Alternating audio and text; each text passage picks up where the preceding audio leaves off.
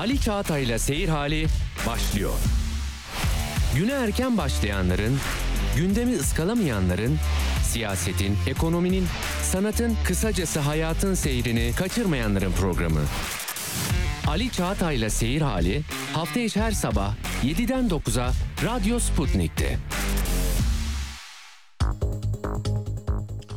Radyo Sputnik'te seyir halindesiniz. İstanbul 97.8, Ankara 96.2, İzmir 91.0, Bursa 101.4 ve Kocaeli 90.2 frekansından bizi dinleyebilirsiniz.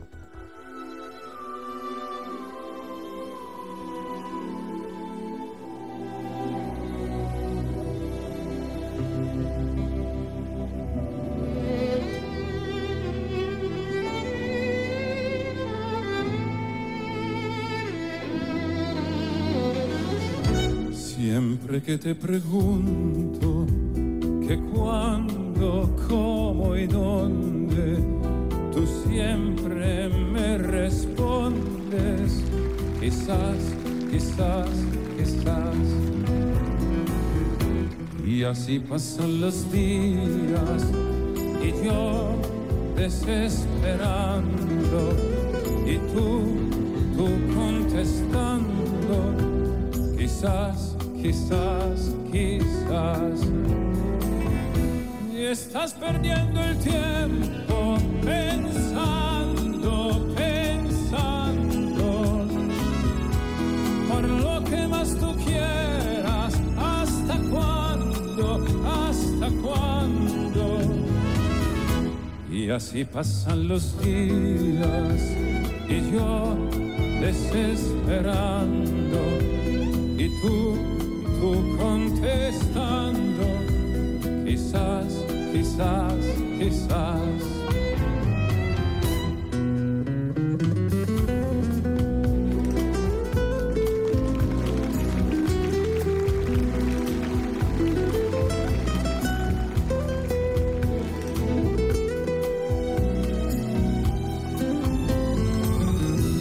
Y así pasan los días y yo desesperando y tú, tú contestando, quizás, quizás, quizás. Estás perdiendo el tiempo pensando,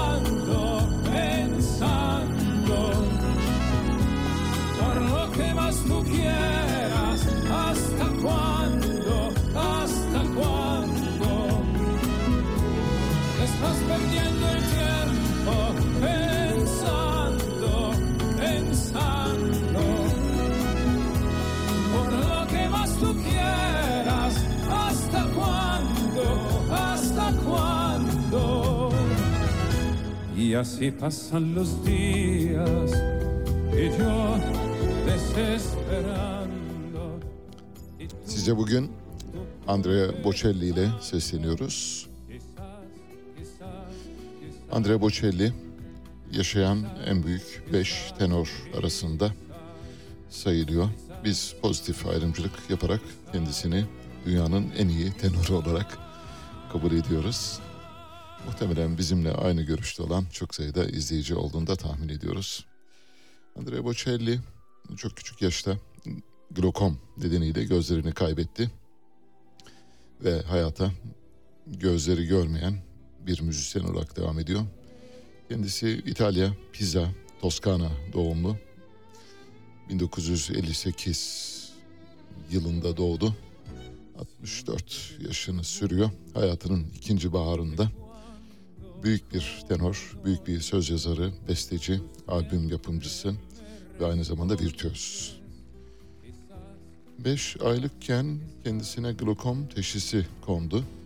Aslında glokom teşhisi anne karnındayken konuldu. Yani bir arazla doğabileceğine dair doktorların tavsiyesi vardı anne babaya. Fakat aile Katolik olduğu için Katolisizmin o olağanüstü bağnazlığı galebe çaldı ve çocuğunu doğurmaya karar verdi. 5 yaşından sonra da zaten dünyaya gözlerini kapamak zorunda kaldı.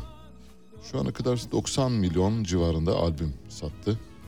müthiş bir rekora sahne oldu. Koronavirüs günlerinde bir YouTube konseri verdi. 3,5 milyon kişi izledi bu konseri. İki evlilik yaptı. İlk eşi Enrica'dan iki erkek çocuğu var. 1998'de People dergisi kendisini dünyanın en güzel 50 kişisinden biri seçti. Dünyadaki en güzel insanlardan biri 50 insan arasında. Zaten görürseniz muhtemelen fotoğraflarına baktıysanız ya da videolarını izlediyseniz çok heybetli ve gösterişli bir adam olduğunu görürsünüz. Celine Dion eğer diyor Tanrı'nın şarkı söyleyecek bir sesi olsaydı muhtemelen ve büyük ihtimalle bu ses Andrea Bocelli'ye benzerdi diyor. Tanrı'nın sesi demek istiyor. David Foster da plak yapımcısı Andrea Bocelli'nin sesini dünyanın en güzel sesi olarak tanımlıyor. Tanımlaya geldi. Sonra ikinci bir evlilik yaptı. Bu ikinci evliliğiyle ilgili bir sürprizimiz de var. Onu da programın sonuna sakladık. İkinci evliliğini yaptığı eşinden e, aynı zamanda menajeri olan Veronica Berti. Ondan bir çocuğu oldu. Bir kızı var Virginia. Virginia 2012 doğumlu. Kendisi bir alfa kuşağı çocuğu. 11 yaşında ve programın sonuna doğru en son parçayı da baba ve kız Bocelli'lerden bir düet olarak size sunacağız. Başlıyoruz. Evet. Türkiye'nin ve dünyanın pek çok bölgesinde olağanüstü kötü hava koşulları var. Küresel ısınmaya bağlı olarak dünyanın pek çok bölgesinde kendini hissettiriyor. Son 120 bin yılın üzerinde durarak söylüyorum 120 bin yılın en sıcak yazlarından birini yaşıyoruz. Son 120 bin yıl boyunca hava sıcaklıkları nasıl ölçülüyor derseniz onun karbon testleriyle ölçülebilme, ölçümlenebilme imkanı var. 120 bin yılın en sıcak yazından ve Haziran ayından bahsediyoruz. Türkiye'de özellikle Batı Karadeniz'de Bartın, Amasra, Kastamonu civarında büyük sel felaketleri var. Bartın Karabük ve Bartın Zonguldak karayolunun önemli bir bölümü tamamen trafiğe kapatılmış durumda. Ankara İstanbul karayolunda da uzunca bir süre ulaşım yapılamadı. Otoyoldan bahsediyoruz. Bartın Nehri iki koldan gelip Karadeniz'e dökülen bir Bartın Irmağı. Bartın Irmağı şu anda taşmış durumda ve sağanak nedeniyle kontrol edilemez noktada. Islah çalışmaları tabii zamanında yapılmış olsaydı muhtemelen bunlarla karşı karşıya kalmayabilirdik. Bu bir ihtimal olarak söylüyorum elbette. Kalabilirdik ama kalmayabilirdik. Sadece Türkiye'de işlerin ancak böyle büyük felaketler baş gösterdikten sonra aklımızın başına geldiğini kanıtlayan örneklerden bir tanesi. Ulaşıma kapanan Bolu Dağı tüneli Ankara-İstanbul yolunda da şu anda açma çalışmaları sürüyor. Büyük bir heyelan var. Sayısız dozer kepçe çalışıyor bölgede. Bölgeyi toprak kaymasından mütevellit tıkanma dolayısıyla açmaya çalışıyorlar. Ulaştırma ve Altyapı Bakanı Abdülkadir Uraloğlu iki gündür Türkiye'nin bazı kesimlerinin sel ve heyelan felaketlerine sebep olan hava şartlarının etkisi altında bulunduğunu belirtiyor ve afetin ilk dakikasından bu yana tüm ekiplerle bir seferberlik hali içinde olduklarını söylüyor.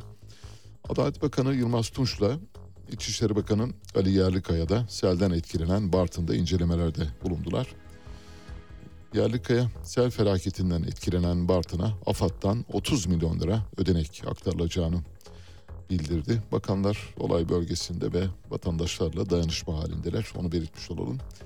Geçmişte İçişleri Bakanı Süleyman Soylu'nun baldırlarına kadar uzanan sarı çizmelerle ve bu arada baldırlarına kadar uzanan sarı çizmelere rağmen baldırlarının ıslak halde olduğu fotoğrafları vardı. Biliyorsunuz Ankara Büyükşehir Belediye Başkanı Mansur Yavaş'ın ofisine de o çizmelerle gitmişti. Sırtına kadar ıslanmış vaziyette çok çalıştığını kanıtlayan ve dozer kepçe e, kepçelerinde e, fotoğrafları vardı. Şimdi bakanlar böyle fotoğraflar vermiyorlar. En azından gerçekten hani gösteriş olsun diye yapmadıklarını biliyoruz. Daha vatandaşla empati kuran bir e, siyasi kadrodan bahsediyoruz. Yani yeni dönemde bu, bu tür şeyleri daha fazla görüyoruz. Bunlar olumlu işaretler. Bu olumlu işaretleri yeri geldiğinde elbette söylemek lazım. Hani derler ya Sezar'ın hakkı Sezar'a. İstanbul Valiliği'nin bir uyarısı var. Bu hafta ortasından itibaren sıcaklıklar mevsim normallerinin 5-10 derece daha yukarısına çıkıyor. Bu yüzden sıcaklık çarpmasına karşı dikkatli olmasını istedi İstanbul Valiliği. Şöyle dedi. Hafta ortasından itibaren sıcaklıkların mevsim normallerinin 5-10 derece üzerine çıkması bekleniyor. Sıcak çarpmasına karşı dikkatli olunuz diyor. Buradan hatırlatmış olalım. Hani yanınızda şapka olsun işte gölgeliklerden hareket edin. Mümkün olduğu kadar güneşe çıkmayın. Ve çocukları da tabii özellikle çocukları sıcaktan korumaya çalışın. Bu nasıl bir felaketle karşı karşıya olduğumuzu anlatmak bakımından önemli. İklim araştırmacıları tarafından dünyanın son 120 bin yılın sıcaklık rekorunun son bir haftada üst üste 3 kez kırıldığını yani her seferinde sıcaklık rekoru bir kez daha kırılarak gidiyor. Son 120 bin, bin yılın rekoru 3 kez şu anda yenilenmiş durumda.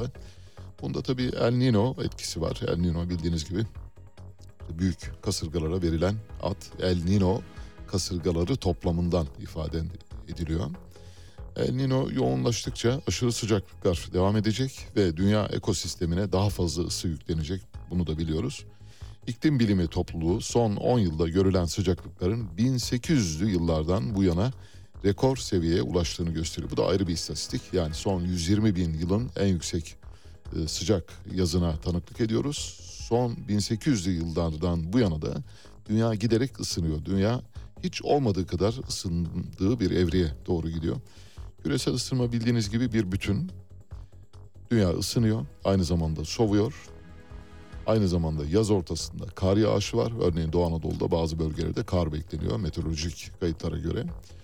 Bu arada işte gök deliniyor ve buzullar eriyor. Ozon tabakası inceliyor ve dünya ısınıyor.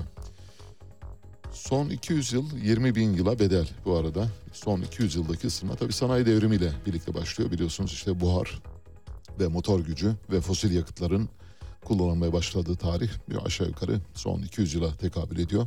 Buhar gücüyle birlikte ve 200 yıldır dünya çok hızlı biçimde ısınıyor. Son 200 yılda 1.2 santigrat ısındı. Son 20 bin yılda benzersiz bir seviyeye çıktığını gördük bu 1.2 santigratla. Şu anda dünyanın yaklaşık 1 derece daha ısındığı tahmin ediliyor. Bu ısınma ısısının bir miktar düşürülmesi halinde yaşanabilir bir dünyamız olabilir. Aksi halde yaşanamaz bir dünyaya doğru gidiyoruz. Dünya Meteoroloji Örgütü sıcaklık rekorlarının daha da artacağını açıkladı bu arada. Dünya Meteoroloji Örgütü WMO biliyorsunuz. WMO tarafından yapılan açıklamada Atlantik Okyanusu'nun kuzeyinde deniz yüzeyi sıcaklıklarında benzeri görülmemiş bir artış olduğu bildiriliyor. Yine Dünya Meteoroloji Örgütü Başkanı Ömer Badur, Temmuz'un ilk haftasının şimdiye kadar kaydedilen en sıcak hafta olarak kabul edildiğini aktardı. Bunu biraz önce söylemiştik. Nitekim o da bizi doğruluyor. İklim değişikliği nedeniyle arılar kışlamadan erken uyanmaya başladılar. Arıların erken uyanması neye yol açıyor derseniz biliyorsunuz Einstein'a Einstein'a atfedilen bir şey var. Arılar öldüğü zaman biliniz ki hepimiz öleceğiz. Yani arılar dünyanın sonunun geldiğini ilan eden ilk İsrafil'in sorunu üflemesindeki üflemesi aşamasındaki bir durumdan bahsediyor. Arılar şu anda erken kışlamadan çıktılar. Tabii erken kışlamadan çıkınca arılar konacak çiçek arıyorlar. Çiçek var mı? Yok. Konacak çiçek bulamadıkları için, beslenemedikleri için de arılar yavaş yavaş tozlaşmanın olmadığı bir ortamda hayatlarını kaybediyorlar. Arı popülasyonu azalıyor. İşte arıların popülasyonunun azalması Nature World News'un haberine göre İngiltere'deki Reading Üniversitesi'nde yapılan bir araştırma var. Birçok ürünün ve yabani bitkilerin polen taşıyıcısı olan yaban arılarının iklim değişikliği nedeniyle bir tür kış uykusu olarak bilinen kışlamadan erken uyandığına dikkat çekiliyor. İngiltere'deki üniversite tarafından. Yaban arılarının erken uyanmasının sonuçları ele alınan araştırmaya göre İngiltere'de 5924 türde yaban arısının yuvalarından alınan örnekler 40 yıllık süre boyunca incelendi. İklim değişikliği nedeniyle artan her bir derece sıcaklığın yaban arılarının ilkbaharda yuvalarından ortalama 6,5 gün daha erken çıkmasına neden olduğunu bildiriyor. Her bir derece 6,5 gün. Demek ki dünya bir derece daha ısındığı zaman 6,5 gün daha erken çıkacaklar ve 6,5 gün daha erken çıktıkları için daha çabuk ölecekler.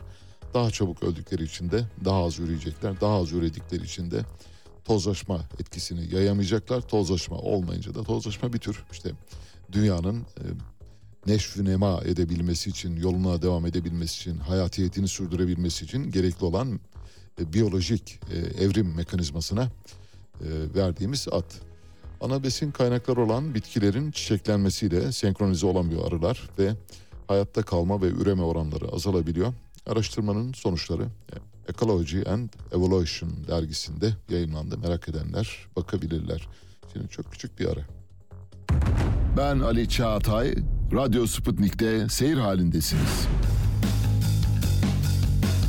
Müthiş bir Kuzuların Sessizliği filmi oynanıyor şu anda maalesef. Kimsenin sesini çıkarmadığını görüyoruz. Bu devletin kadim devlet, bani devlet, baba devlet olması ilkesiyle bağdaşmıyor. Habercilik, birilerinin verilmesini istemediği olayları açıklamak ve kamuoyuyla paylaşmaktır.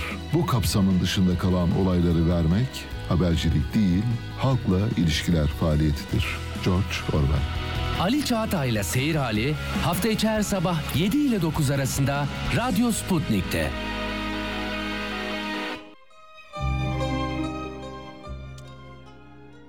Evet, bu müzikle neden başladığımızı herhalde tahmin ediyorsunuz. Meşhur Marlon Brando'nun oynadığı The Godfather filminin bu fon müziği. Godfather'da meşhur bir replik vardır.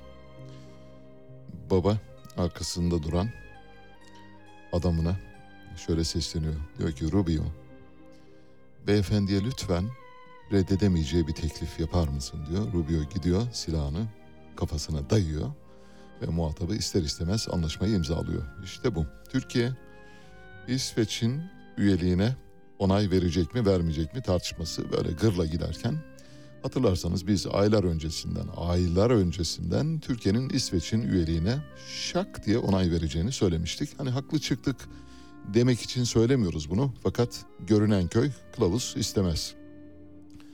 Şimdi beklentimiz şu birazdan büyük bir NATO özeti yapacağız. Ne oluyor, nereye doğru gidiyor, neden onay verdik, peki bu onay neden böyle hızlı gelişti, acaba arka planında ne yatıyor, uluslararası ilişkiler bakımından ne ifade ediyor gibi sorular var. Böyle uzunca gideceğiz. Biraz düşürebilirsen Ege'cim.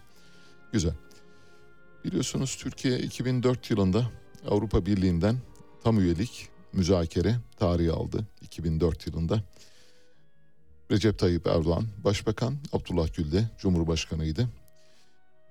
Melih Gökçek de kıdemli ve en uzun süreli Ankara Büyükşehir Belediye Başkanı olan Melih Gökçek de Ankara Büyükşehir Belediye Başkanıydı. Hani böyle develer tellal, pireler berber iken masalında olduğu gibi anlatıyorum ama maalesef böyle masalsı ve gerçeküstü bir dünyadan çıktığımızı gösteren belirtilerdi onlar.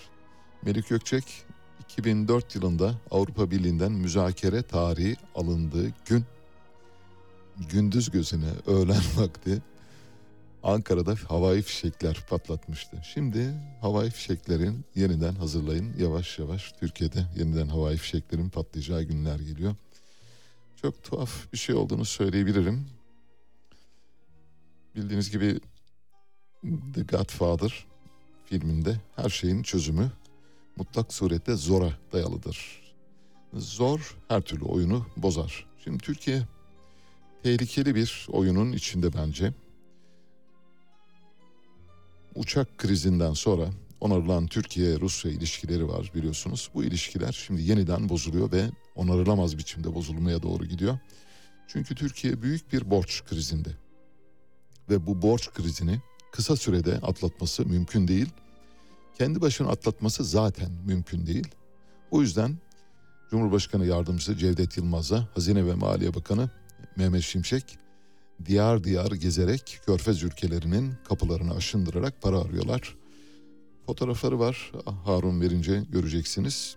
İki Türk yetkili Birleşik Arap Emirlikleri Şeyhi ve Katar Emiri karşısında böyle sünnet olmaya hazır çocuklar gibi oturarak para bulmaya çalıştılar. Bunu tabii yadırgamıyoruz ama tam pozisyon oydu. Fotoğrafa bakarsanız zaten görürsünüz. Ee, şeyhler böyle bacaklarını ayırarak çok affedersiniz Atilla İlhan'ın deyimiyle söyleyeyim hayasızca otururken bizimkiler bacaklarını birleştirerek böyle halim selim sünnet sırasını bekleyen çocuklar gibiler. Çok tuhaf, acın, acınası bir durum onu söyleyeyim bir defa. Ama bu noktaya geldik maalesef. Bu durumda artık yani onur, gurur ve benzeri durumları çok fazla göz önüne almıyor olabilirler. Çünkü çok zor bir süreci geçiriyoruz. Şu anda Türkiye'nin acil 200 milyar dolar paraya ihtiyacı var. Körfez ülkelerinden Suudi Arabistan, Kuveyt, Katar, Bahreyn ve Birleşik Arap Emirlikleri'nden gelebilecek para maksimum 15-20 milyar dolar. Bu gelecek para da bir karşılık alarak gelmek istiyor. Bildiğiniz gibi İzmir Limanı'nın, Türk Hava Yolları'nın ve Türksel'in Körfez ülkelerine satışı ile ilgili dedikodular dolaşıyor. İşte bu dedikoduların kaynağı bu. Yani oradan 15-20 milyar dolar alacağız ama karşılığında da bu önemli şirketlerimizi ipotek edeceğiz. Bu yetmiyor. Bu 15-20 milyar dolar bizim yaramıza merhem olmuyor. Şimdi en az 200 milyar dolara ihtiyaç var. İşte o 200 milyar doların kapısını araladık dün. İsveç'in üyeliğine onay vererek. O işte verir miyiz, vermez miyiz? İşte Kur'an yakılan bir ülke, PKK'ya hamilik yapan bir ülke acaba olur mu gibi sorular dolaşırken biz aylar öncesinden tıpış tıpış gideceğiz ve İsveç'in üyeliğine onay vereceğiz dedik. Biliyorsun seçimden sonra Türkiye bir U dönüşü yaptı. Hem siyasi kadroların yapılanmasında bu genetik izleri görüyoruz. Yani daha Amerika Birleşik Devletleri ile uyumlu çalışan bir kadro var şu anda. Milli Savunma Bakanı öyle, İçişleri Bakanı öyle, Adalet Bakanı öyle, Dışişleri Bakanı öyle, MİT Müsteşarı öyle ya da MİT Başkanı da öyle. Amerika ile çok yakın işbirliği ve mesai yürüten kişilerden seçildi. Bu rotanın Amerika'ya döndüğünü gösteriyor. Şimdi artık Türkiye son 17-18 yıldır Rusya ile birlikte bir, yani bir dargın bir barışık yürüttüğümüz ilişkilerin sonuna geldi. Artık Rusya'ya sırtımızı döndük. Bu dün itibariyle Rusya'ya sırtımızı döndüğümüzü net biçimde söyleyebiliriz. Çünkü Türkiye çok ciddi bir borç krizinde ve bu borç krizini atlatabilmesi için mutlak surette büyük bir paraya ihtiyacı var. Dün Cumhurbaşkanı Erdoğan giderken havalimanında açıklamalar yaptı. Türkiye biliyorsunuz şu anda 13 milyon sığınmacıya ev sahipliği yapıyor. Iraklısı, Afganı, Pakistanlısı, Bangladeşlisi, Libyalısı, Tunuslusu, Faslısı, Cezayirlisi, Mısırlısı, Lübnanlısı, Ürdünlüsü, aklınıza gelebilecek bütün Orta Doğullar, Nijeryalısı, Kongolusu, Angolalısı hepsi şu anda Türkiye'de 13 milyondan bahsediyor. Şimdi 13 milyon göçmeni ve niteliksiz göçmeni olan bir ülkeyi Avrupa Birliği'ne alırlar mı? E vallahi işte Cumhurbaşkanı bunu talep etti dün. Dün dedi ki Türkiye'nin Avrupa Birliği'nde önünü açın ki biz de NATO'da İsveç'in önünü açalım. Masaya bu kartı sürdü.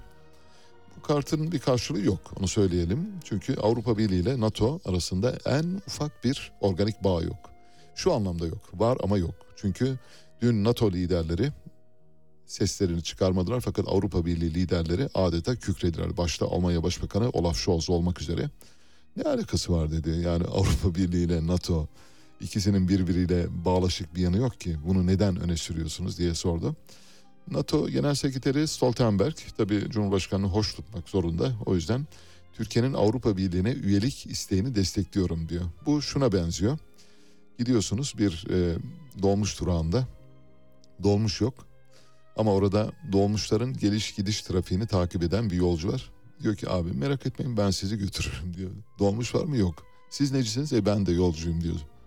Böylesi bir şey yani NATO Genel Sekreterinin Türkiye'nin Avrupa Birliği üyeliğini destekliyorum demesinin durakta bekleyen yolcudan hiçbir farkı yok. Öyle hiçbir hükmü yok. Hükmü şahsiyeti yok. Bu arada aynı şekilde Amerika Beyaz Saray'da Türkiye'nin Avrupa Birliği üyeliği arzusunu destekliyoruz diyor.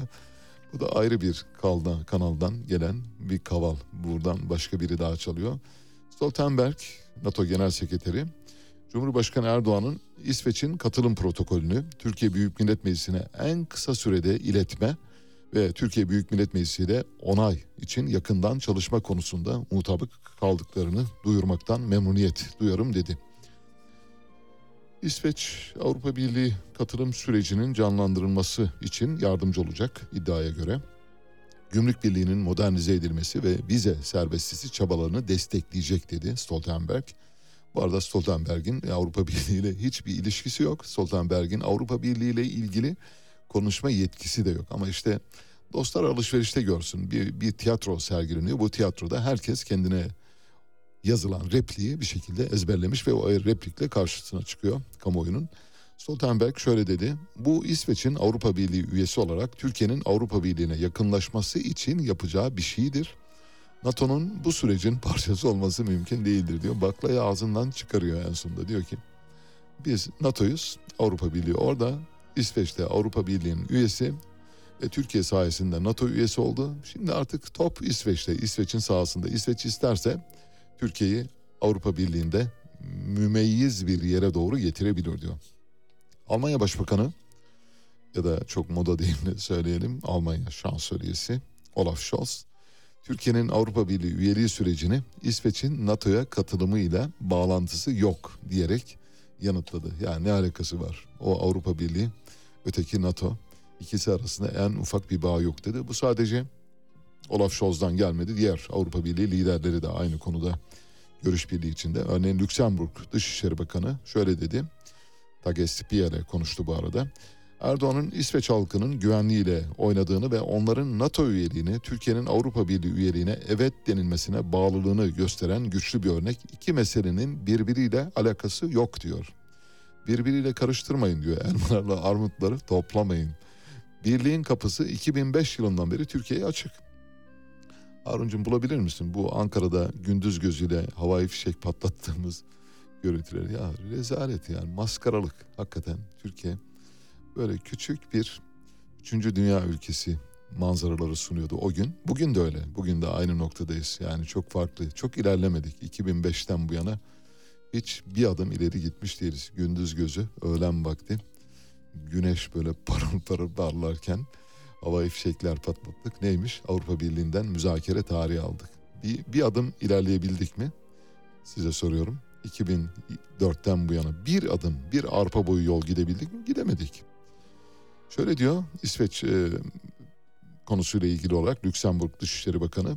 Birliğin kapısı 2005 yılından beri Türkiye'ye zaten açık. Özellikle insan haklarına ve hukukun üstünlüğüne saygı açısından belirtilen koşulları karşılaması yeterli ama ne yazık ki Erdoğan döneminde bundan her zamankinden daha uzaktayız diyor. Ne demek istiyor? Ev ödevinizi yapmadınız. Şimdi bir de komşuyu suçluyorsunuz. Komşunun bahçesine girmişsiniz, erik çalmışsınız. Bir de komşuya diyorsunuz ki e canım sen de çitleri iyi onarsaydın ya da çitlere elektrik verseydin ben de geçmeseydim gibi. Abartıyoruz belki ama hakikaten iş bu noktada maalesef. Bu arada Rusya ile yollarımız ayrıldı. Kalıcı biçimde son 15 yıldır inişli çıkışlı giden ve son 3-4 yıldır çok iyi noktada olan Türkiye-Rusya ilişkileri artık onarılmaz biçimde geriye doğru gidiyor.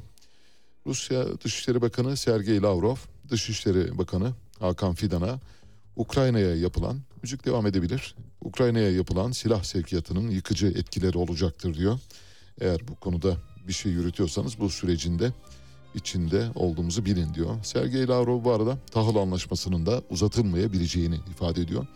Tahıl koridoru bildiğiniz gibi 18 Temmuz itibariyle sona eriyor.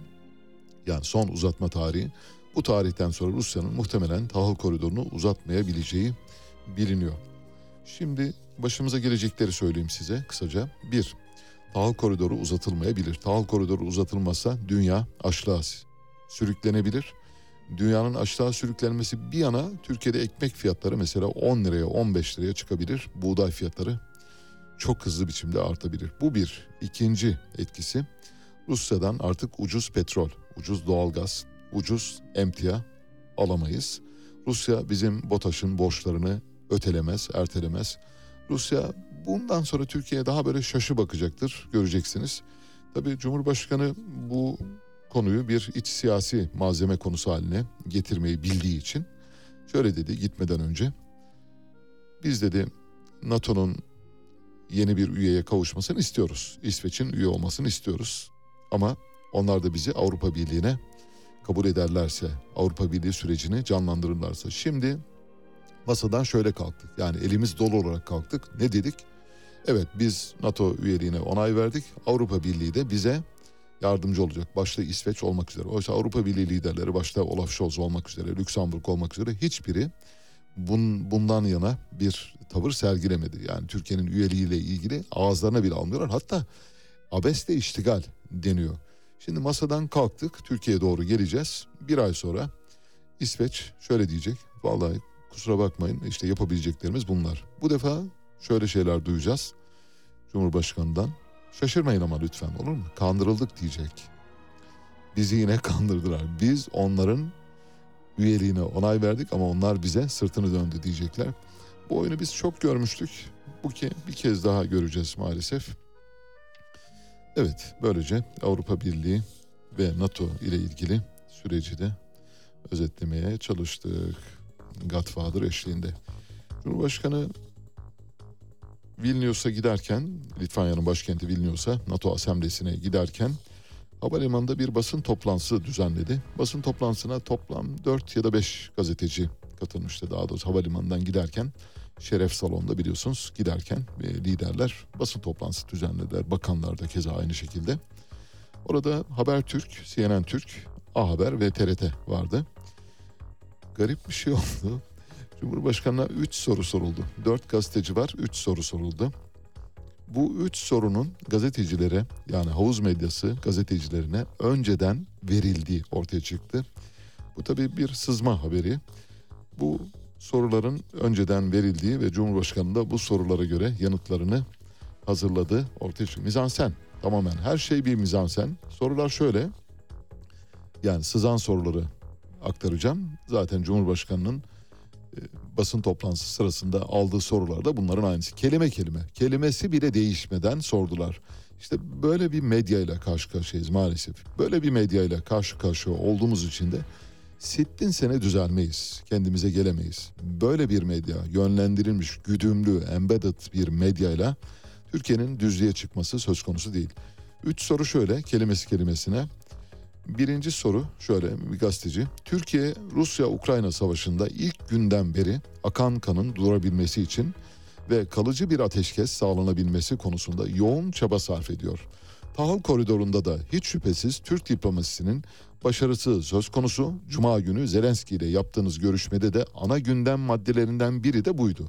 17 Temmuz'da bitecek olan tahıl koridoru anlaşmasının uzatılması için Rus lider Putin'le yakın zamanda bir temasınız olacak mı diyor. Eğer cevap tabii olacak falan diyor Cumhurbaşkanı. İşin o kısmına girmiyorum. İkinci soru şöyle gazetecilerin sordu ve kelimesi kelimesine sızan soruda aynen. İsveç'in terör örgütü PKK'ya ilişkin tutumu aşikar. Zaman zaman ülkemizde tepkileri de neden oluyor. Hem siyasilerden yani sizlerden hem de vatandaştan tepki çekiyor. Bu koşullarda İsveç'in NATO üyeliği nezdinde nasıl bir tutum sergileyeceksin? Cümle berbat söyleyeyim size. Bak bir daha okuyorum. Bu cümleyi şu anda bizi dinleyen e, genç arkadaşlarımız varsa tabii okullar tatil olduğu için onlar yoklar ama dinliyorlarsa bu cümleyi okuyacağım. Lütfen bu cümleyi düzelterek bana gönderirseniz sevinirim. Şimdi bu Cumhurbaşkanlığı İletişim Başkanlığı tarafından hazırlanmış bir sorudan mı? Türkçe yok. Bu koşullarda lütfen dikkat dinleyiniz. Bu koşullarda İsveç'in NATO üyeliği nezdinde nasıl bir tutum sergileyeceksiniz? NATO üyeliği nezdinde ne demek ya? Ha? NATO üyeliği nezdinde.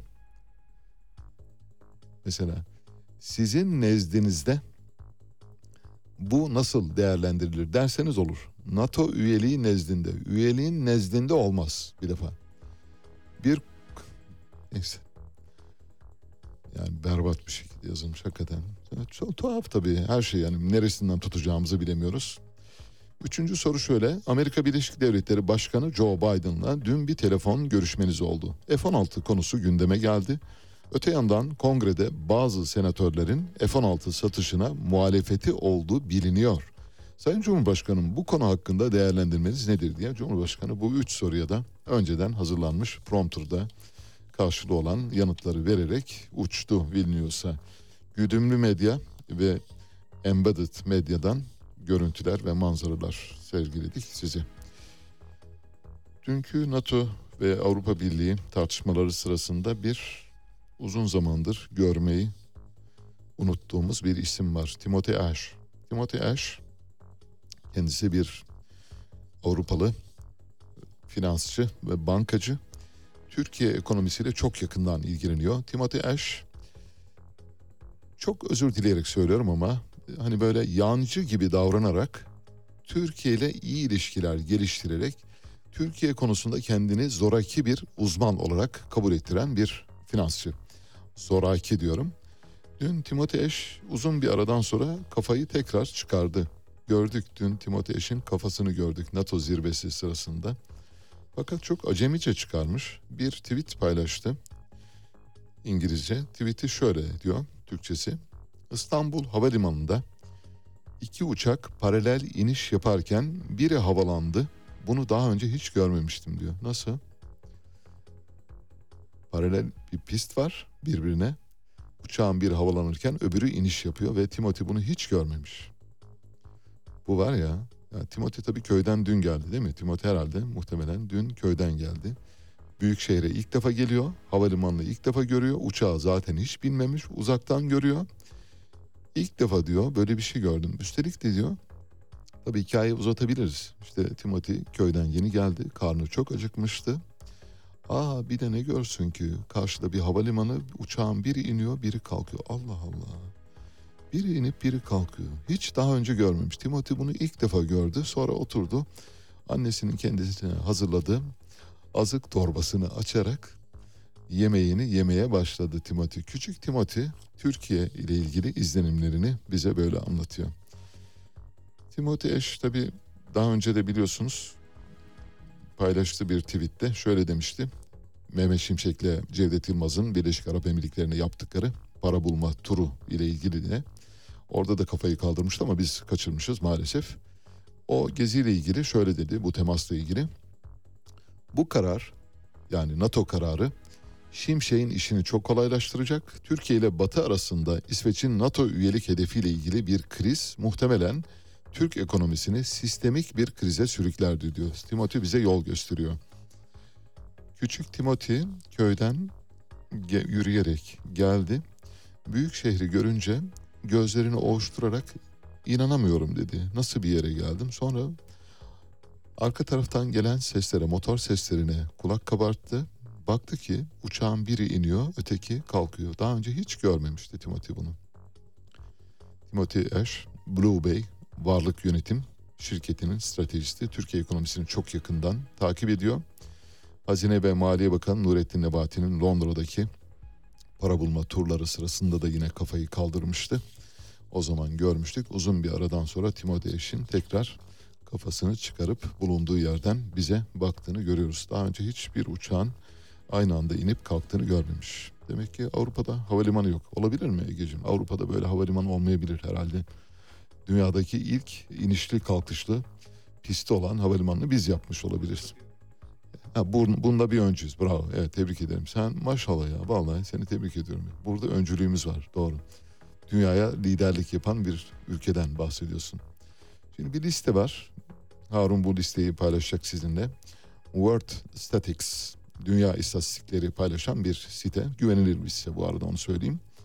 Dünya liderlerini sıralamış. Sormuş. Bir anket yapmışlar. Kapsamlı bir anket. Bu kapsamlı ankette şu anda ekranınızda. Kapsamlı ankette soruyor World Statistics. Diyor ki şu saydığımız liderleri ne kadar tanıyorsunuz diyor. Örneğin 100 kişiye soruyorlar. 100 kişiden mesela 77'si Narendra Modi'yi tanıdığını söylüyor. Şu anda dünyanın en çok tanınan liderlerinden bir tanesi Narendra Modi.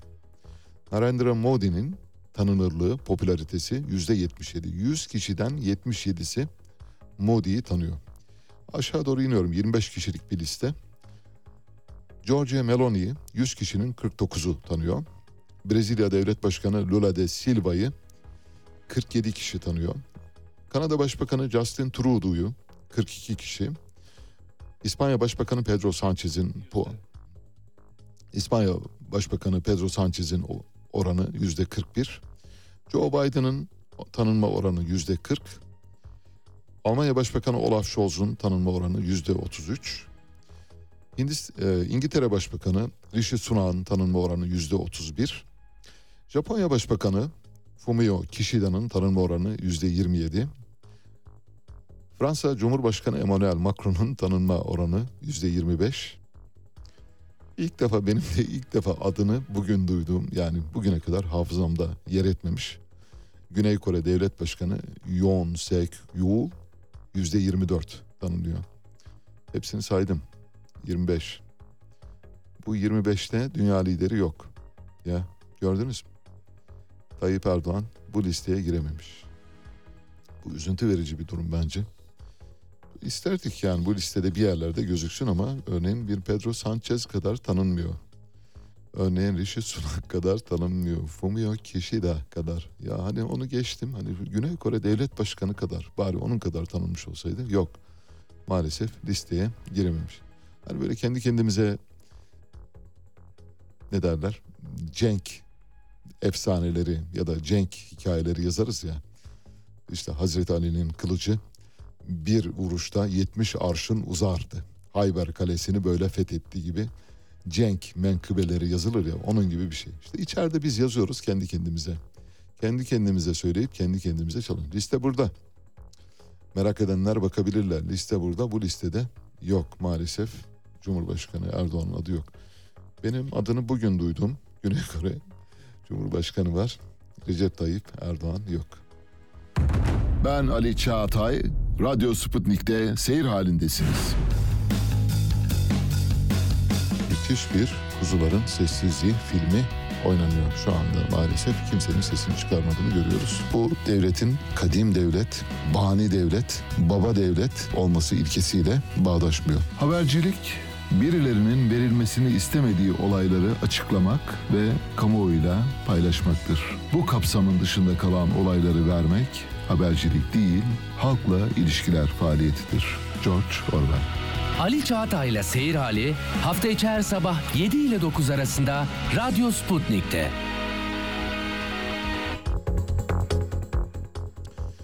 Programın bundan sonraki bölümüne ilişkin küçük bazı notlar aktarmama izin verin lütfen. Saat 9'a çeyrek kala Ev ve Mutfak Eşyaları Sanayicileri ve İhracatçıları Derneği kısa adıyla EFSİT kurucu başkanı Burak Önder'le konuşacağız. Türkiye'nin ihracatında işler yolunda gidiyor mu diye soracağız. Bu bir. iki Türkiye geleneksel, konvansiyonel ve üçüncü dünya ülkelerinin yaptığı ihracat modeliyle ya da bu model sayesinde bir yerlere gidebilir mi? Çünkü şu anda Türkiye'nin ihracatı tökezlemeye başladı. Avrupa Birliği'nde biliyorsunuz PMI verileri düşük gelmeye başladı. Ayrıca ihracat iklim endeksimiz son 3 aydır yerinden kıpırdamıyor. Çakıldı kaldı 51'in üzerinde. 50'nin üzeri iyi ama bu arada söyleyeyim yani 50'nin altına indiği zaman daralmayı işaret ediyor. 51'in üzerindeyiz şu anda fakat 3 aydır 51'in ne üzerine çıkıyor ne altına iniyor. Bu şu anlama geliyor. İhracat iklim endeksi ne derseniz o da şu. Türkiye'nin en fazla ihracat yaptığı ülkelerin satın alma paritelerinin, satın alma yöneticilerinin satın alma kapasiteleriyle ilgili durumu gösteren endekstir. Şu anlama geliyor. İşte Alman vatandaşı ne kadar tüketim yapabilir? Fransızlar ne kadar tüketim yapabilir? Hollandalılar ne kadar tüketim yapabilir diye geleceğe dönük bir tahmin anketi bu. İşte ihracat iklim endeksi dediğimiz endeks bu. Bizim en çok ihracat yaptığımız ülkelerde durum zayıflıyor. Bir türlü 50'nin çok üzerine çıkmıyor. 51'deyiz ama 60'lar 65'leri gördük. Oraların üzerine çıkmadığı için biz daha az ihracat yapan bir ülke durumundayız ve bu ihracat eğilimimiz ya da trendimiz giderek zayıflamaya başlayacak. Bunu Burak Önder'le konuşacağız. Bu arada Telegram açmanızı tavsiye ederim. Birazdan hoş haberler vereceğiz. Domates sever misiniz? Domates sever misin Ege'ciğim? Kahvaltıda yiyorsun. Birazdan bir haber paylaşacağım. Lanet olsun diyeceksin. Lanet olsun o domatese diyeceksin domatesin sağlığa çok zararlı bir sebze olduğunu kanıtlayan haber var. Tabii bu haberin kaynağını tahmin ediyorsunuz değil mi? Havuz medyası. Havuz medyası şimdi işi şeye sardı. Tabii domates Temmuz ayının ortasındayız. Domates hala en kötü bakkalda, manavda, pazar yerinde 25 lira. 95 liraya domates var. Organik domates. Domates tüketimini azaltmak için domates kötü. Domates böbrek hastalığı yapıyor. Domates mide ülseri yapıyor. Domates şuna yol açıyor. Domates buna yol açıyor diye bir derleme yapmışlar. O derlemeyi paylaşacağım. Hani böyle domates yemekten vazgeçebilirsiniz net biçimde. Ya dünyanın en sağlıklı bugüne kadar tavsiye edilen işte içindeki likopen kanserle mücadelede ya da kansere karşı kullanılan ajanlardan biri olduğu için likopen varlığı dolayısıyla hekimlerin bugüne kadar 7'den 77'ye herkesin aman domates yiyin dediği domatesin aslında iyi bir sebze olmadığını bize havuz medyası kanıtlıyor. Tuhaf tabii. Yani acınacak bir durumdayız maalesef. Ufak ufak müziğe doğru gidebiliriz. Size bugün Andrea Bocelli'den parçalar seçtik. Dünyanın en büyük tenorlarından biri ilk beş arasında gösteriliyor. Biz pozitif ayrımcılık yaparak dünyanın en iyi tenoru diyoruz kendisine. Besame mucho. Beni çok öp. Bésame,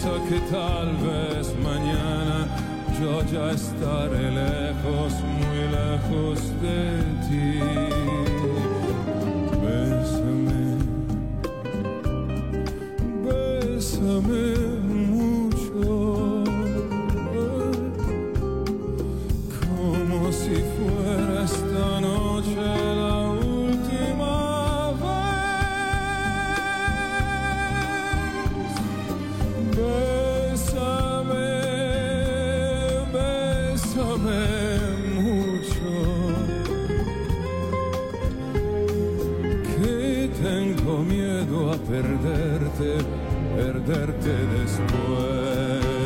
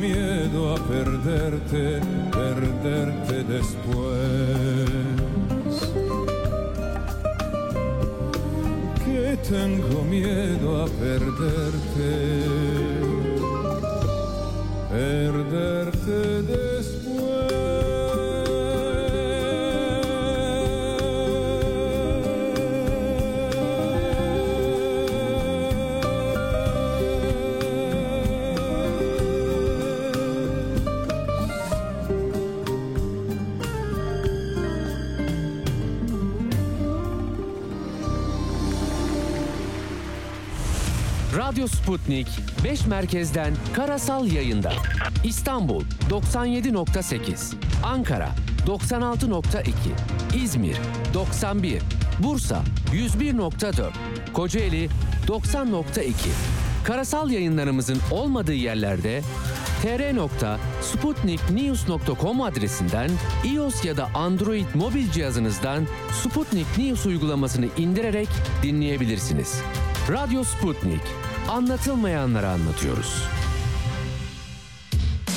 Havadan, sudan, karbon ayak izinden, yeşil mutabakattan, dünyanın yeni mottosuna uzanan, bugünden geleceğe bakan, soran, soruşturan, sorgulayan program.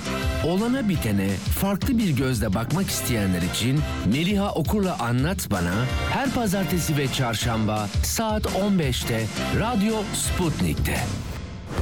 Son dakika haberleri, canlı yayınlar, multimedya ve daha fazlası Sputnik Haber Ajansı'nın web sitesinde.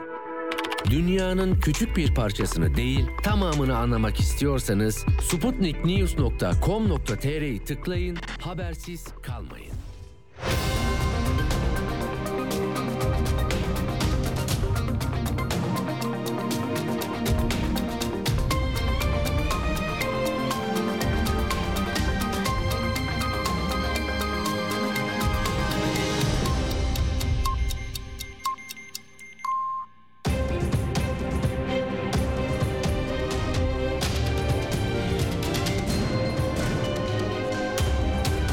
Sputnik.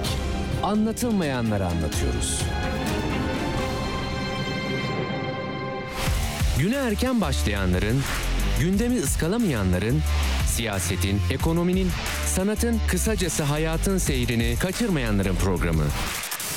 Ali Çağatay'la Seyir Hali hafta içi her sabah 7'den 9'a Radyo Sputnik'te.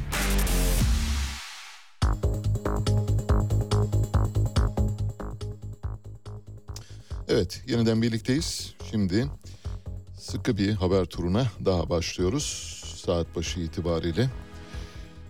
Adalet Bakanı Yılmaz Tunç'un kardeşi Yahya Tunç, FETÖ'nün haberleşme uygulaması Baylok'ta tam tamına 1454 kaydı olmasına rağmen Yahya Tunç'a etkin pişmanlıktan yararlandığı için ceza verilmedi. Bu tabi geç ve biraz ertelemeli olarak sızdırılmış bir haber. Adalet Bakanı muhtemelen Adalet Bakanlığı koltuğuna talip olan birilerinin sızdırmasıyla ortaya çıktı. Bunlar ancak böylesi sebeplerden öğrenebiliyoruz.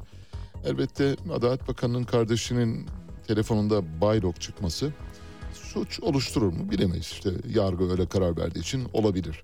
Peki nasıl bu işten sıyırdı derseniz kardeşi bakan olunca mı? Hayır. Şunu yapıyorsunuz çok kolay hemen gidiyorsunuz birlikte hareket ettiğiniz insanları tek tek satıyorsunuz. Yani itirafçı oluyorsunuz. İtirafçı olunca da etkin pişman. Etkin pişmanlık diye böyle süslü bir ad veriyorlar ona. Bu bir itirafçılıktır. İtirafçı olursanız siz de kurtulabilirsiniz. Adalet Bakanı'nın kardeşi olmanıza gerek yok. Buradan size duyurmuş olalım. Yeni bir siyasi parti geliyor. Bu yeni siyasi parti şu anda Türkiye'de mevcut seçimlere katılabilme yeterliliğine sahip olan ya da olmayan 128 parti var. Bu 128 partiye yeni bir parti ilave oluyor. Yerli ve Milli Parti adı altında bir parti. Yerli ve Milli. Başkanı da Teoman Mutlu. Teoman Mutlu Mustafa Sarıgül'le Türkiye Değişim Hareketi ya da Türkiye Değişim Partisi şimdi Cumhuriyet Halk Partisi'ne iltihak etti bildiğiniz gibi. Mustafa Sarıgül'le yollarını ayıran bir siyasetçi. Mustafa Sarıgül'le düştüğü fikir ayrılığı sonrasında Mart ayında partiden istifa etmişti. Şimdi kendi partisini kurdu. Fakat partinin alt kadrosuna baktım fena değil. Yani fena sayılmayan insanlar var. Yani büyük bir partiye dönüşür mü dönüşmez mi bilemem ama e, kurucu kadro epey bir sağlam. Yani böyle kallavi isimlerden oluşuyor. Mesela kuruculardan bir tanesi Uğur Aksöz. Uğur Aksöz'ü nereden tanıyoruz? Tansu Çiller'in yanında ve yakınında olan isimlerden biriydi. Yani Tansu Çiller'in yancısı Uğur Aksöz. Diğeri kim? Sabri Erbakan. Necmettin Erbakan'ın yeğeni uzunca bir süre kamuda önemli görevler yaptı. Savunma sanayi müsteşarlığı da dahil olmak üzere pek çok yerde görev yaptı. Özelleştirme idaresinde keza görev yaptı bildiğim kadarıyla. Sabri Erbakan var kurucular arasında. Ayrıca çok sayıda akademisyen ve emekli generaller olduğu bildiriliyor bu partinin. Emekli generallerin kimler olduğunu bilmiyoruz. Akademisyenlerin kimler olduğunu bilmiyoruz ama iki şeyi biliyoruz. Bir, Tansu Çiller'in yancısı Uğur Aksöz orada. Necmettin Erbakan'ın yeğeni Sabri Erbakan orada. Mustafa Sarıgül'le yollarını ayıran Teoman Mutlu orada. Partinin amblemi mavi kanatlı bir kelebek ve kelebeğin sırtına konmuş bir Türkiye haritası.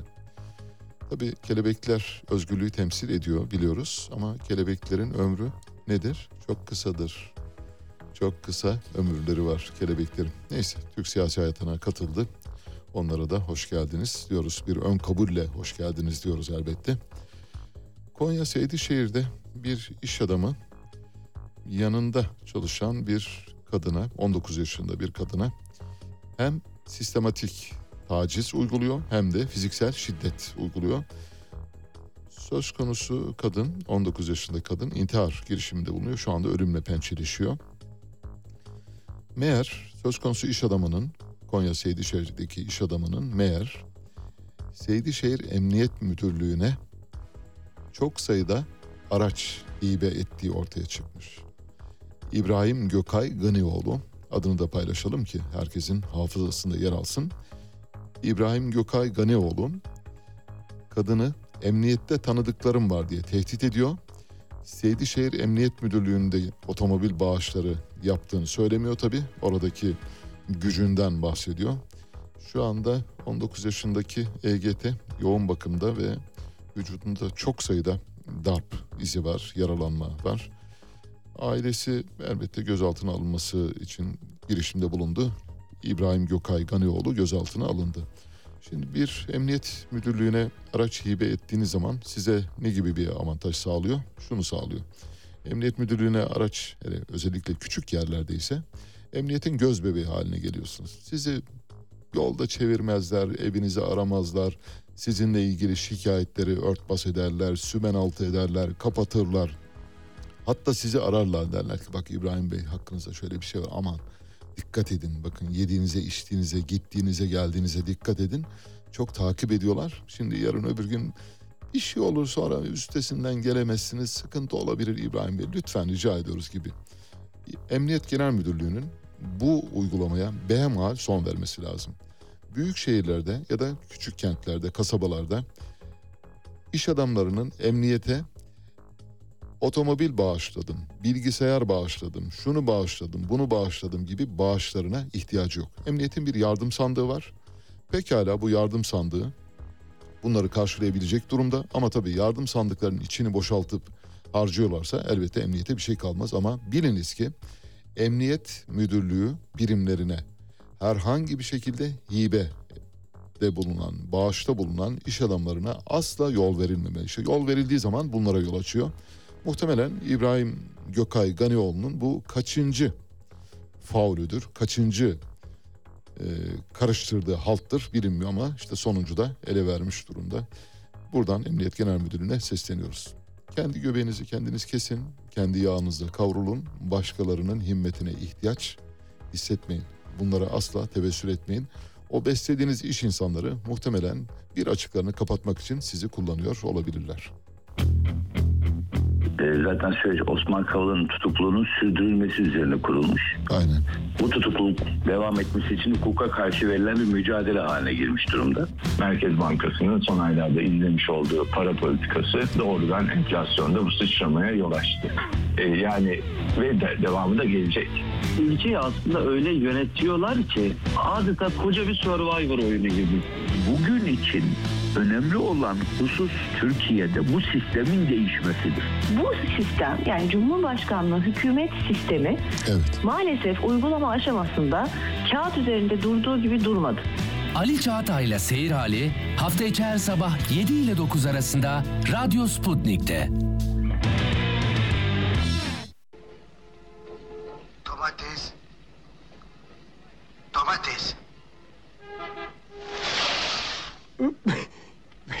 Ağam biraz bağırsana sesini kimse duymuyor.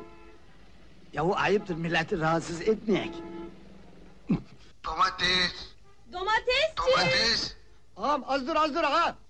domates, domates, domates, domates. Anne domates, Domatesçi. domates.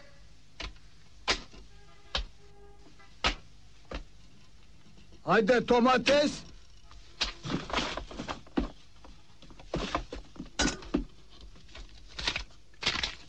Domates.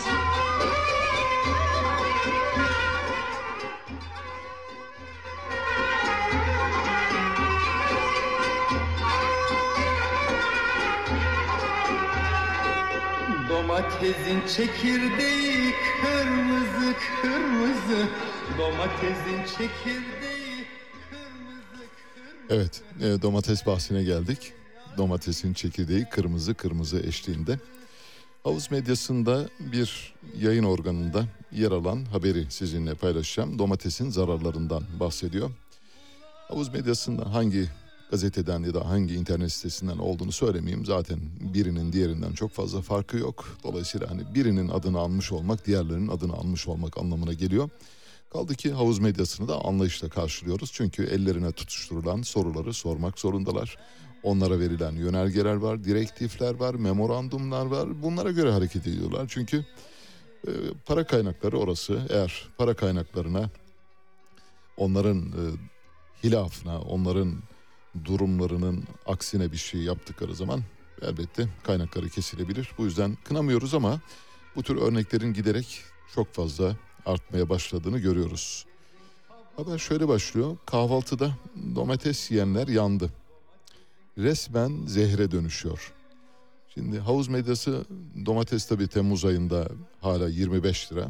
En kötü halk pazarlarında bile yani semt pazarlarında bile 25 lira. Şu anda organik domates 90 liraya, 95 liraya, 100 liraya, 120 liraya organik domates var. Temmuz ayının ortasındayız. Domates çok pahalı. İnsanların domates yememesi için yaratılmış bir haberden bahsediyoruz. Oysa domatesin çok faydalı bir ürün olduğu, çok faydalı bir gıda olduğu konusunda tüm e, herkes aşağı yukarı hemfikir. Tıp otoriteleri de zaten bugüne kadar domatesin faydalarını saymaktan e, o kadar e, kaynak paylaştılar ki bilimsel kaynak. Bunları görünce elbette domatesin zararlı bir şey olduğunu düşünemiyorsunuz. Diyor ki özellikle çiğ tüketilen domates böbrek fonksiyonlarından bağırsaklara kadar pek çok organ için tehdit oluşturuyor. Demek ki neymiş? Bir defa çiğ tüketmeyeceksiniz. Peki pişirerek yiyebilir miyiz? Yok. Hayır o da yok. Domates yemeyin yani domates yemek doğru değil. Bu, bunu bugün öğreniyoruz. 21. yüzyılın birinci çeyreğinin sonuna doğru gelirken domatesin çok zararlı yani bir lanet olası bir yiyecek olduğunu anlamış oluyoruz. Reflüye neden oluyor diyor bir başlıkta. Domatesin içerdiği doğal şekerin şeker hastalarının kan şekerini olumsuz etkileyebileceğini belirtiyor. Aşırı domates tüketiminin sindirim problemlerine sebep olabileceği belirtiliyor. Asitli bir besin olan domates gördünüz mü? Domateste asit varmış ya. Ya bak bilmiyorduk. İşte şimdi öğreniyoruz. Domateste asit var. Bütün iş orada. Bizden saklamışlar bugüne kadar. Asit olduğunu saklamışlar. Biz şimdi öğreniyoruz. Asitli bir besin olan domates aşırı tüketilmesi durumda mide asitlerinin dengesini bozuyor. Ya. Midede biliyorsun pepsin, amilaz, lipaz, tripsinojen gibi enzimler var. Bunları bozuyor. Hidroklorik asiti de bozuyor. Nötralize ediyor demek. Çok enteresan. Eğer domates yedikten sonra midenizde yanma hissediyorsanız domatesle aranıza mesafe koymanızda fayda var. Domatesi uzağa koyacaksınız. Böyle yani köşede duracak. Buzdolabının üzerinde domatese bakacaksınız. Arada bir mutfağa gidip domates duruyor mu? Evet duruyor. Tamam domatese baktık. Baktık tamam domates orada duruyor. Aranıza mesafe koyun diyor.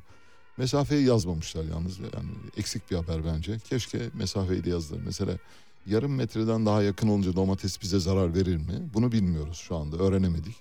Umarız yazarlar. Yani buna da herhalde bir şey bulacaklarını düşünüyorum. Mesafeyi belirtmelerinde fayda var. Buradan sesleniyorum havuz medyasına.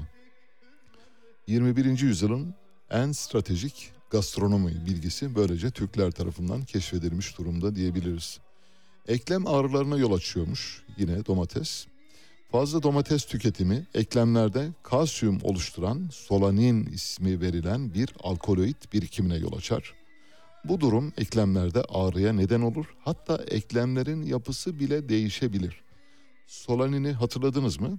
Solaninle ilgili geçmişteki programların birinde bir bilgi notu paylaşmıştım. Solanin şu. Patates kötü koşullarda saklanınca yani nemli, rutubetli koşullarda uzun süre saklanınca patatesin üzerinde bir yeşil tabaka oluşur. Hatta bu yeşil tabaka kabuğu geçer, alt tabakaya kadar iner. Soyarsınız, soyarsınız, soyarsınız patatesin sarısına ulaşmak için epey bir çaba sarf edersiniz. İşte o üst kısımdaki solanin bir zehir. Doğru evet. Bu zehirin domateste de olduğu söyleniyor. Domatesteki solanin miktarı eser miktarda. Bu arada kendi bilgi notumu da paylaşayım sizinle. Yani havuz medyası haberi yapmış ama yanlış yaptınız. Yani haber baştan sona yanlış. Tabii ironi yapıyoruz biliyorsunuz. Yani domatesin zararlı bir şey olduğunu iddia etmek hakikaten akla zarar bir durum.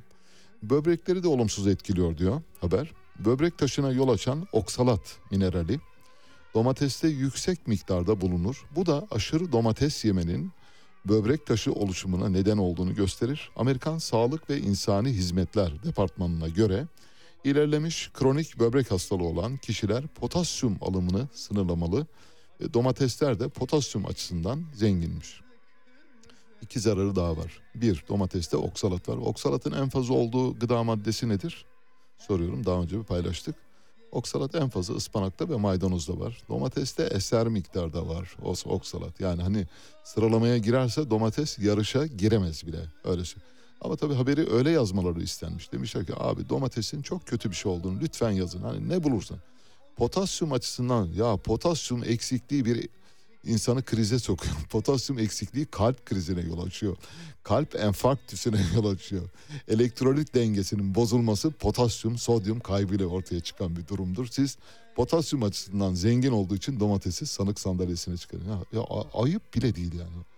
Ayıp bile değil bakın söylüyorum buradan. Başka zararı var mı? Bitmedi. Sakın ha, ha lütfen. Domates orada uzakta dursun. Oradan mesafe koyarak bakın. Bir defa likopen açısından zengin olan domatesin fazla tüketilmesi likopenodermi adı verilen bir cilt lekesine yol açar. Bu lekeye özellikle yüz ve sırtta rastlanır. Likopen kanserle mücadelede kullanılan bir ajan biliyorsunuz ve kanserle mücadelede kullanılan önemli bir ajan.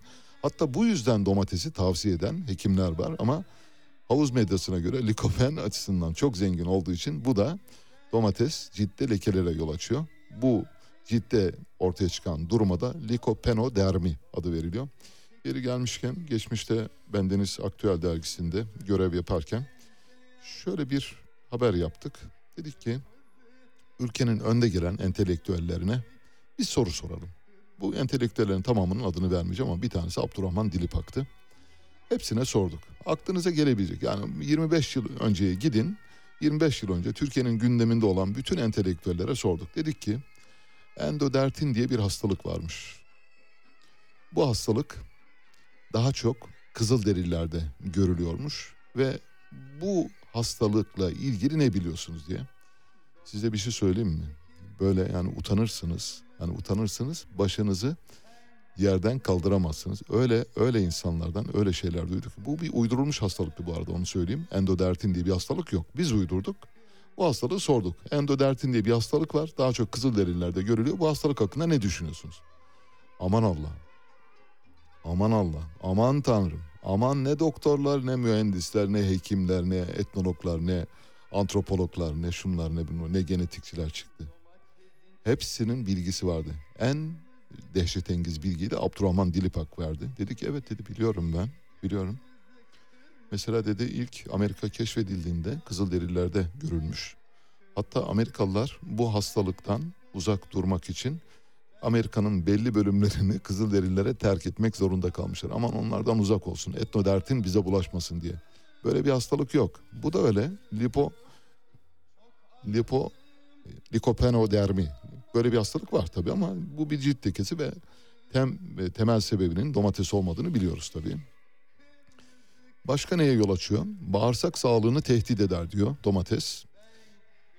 Irritable, bağırsak sendromundan muzdarip olanlar fazla domates yediklerinde yanma ve şişlik problemi yaşarlar.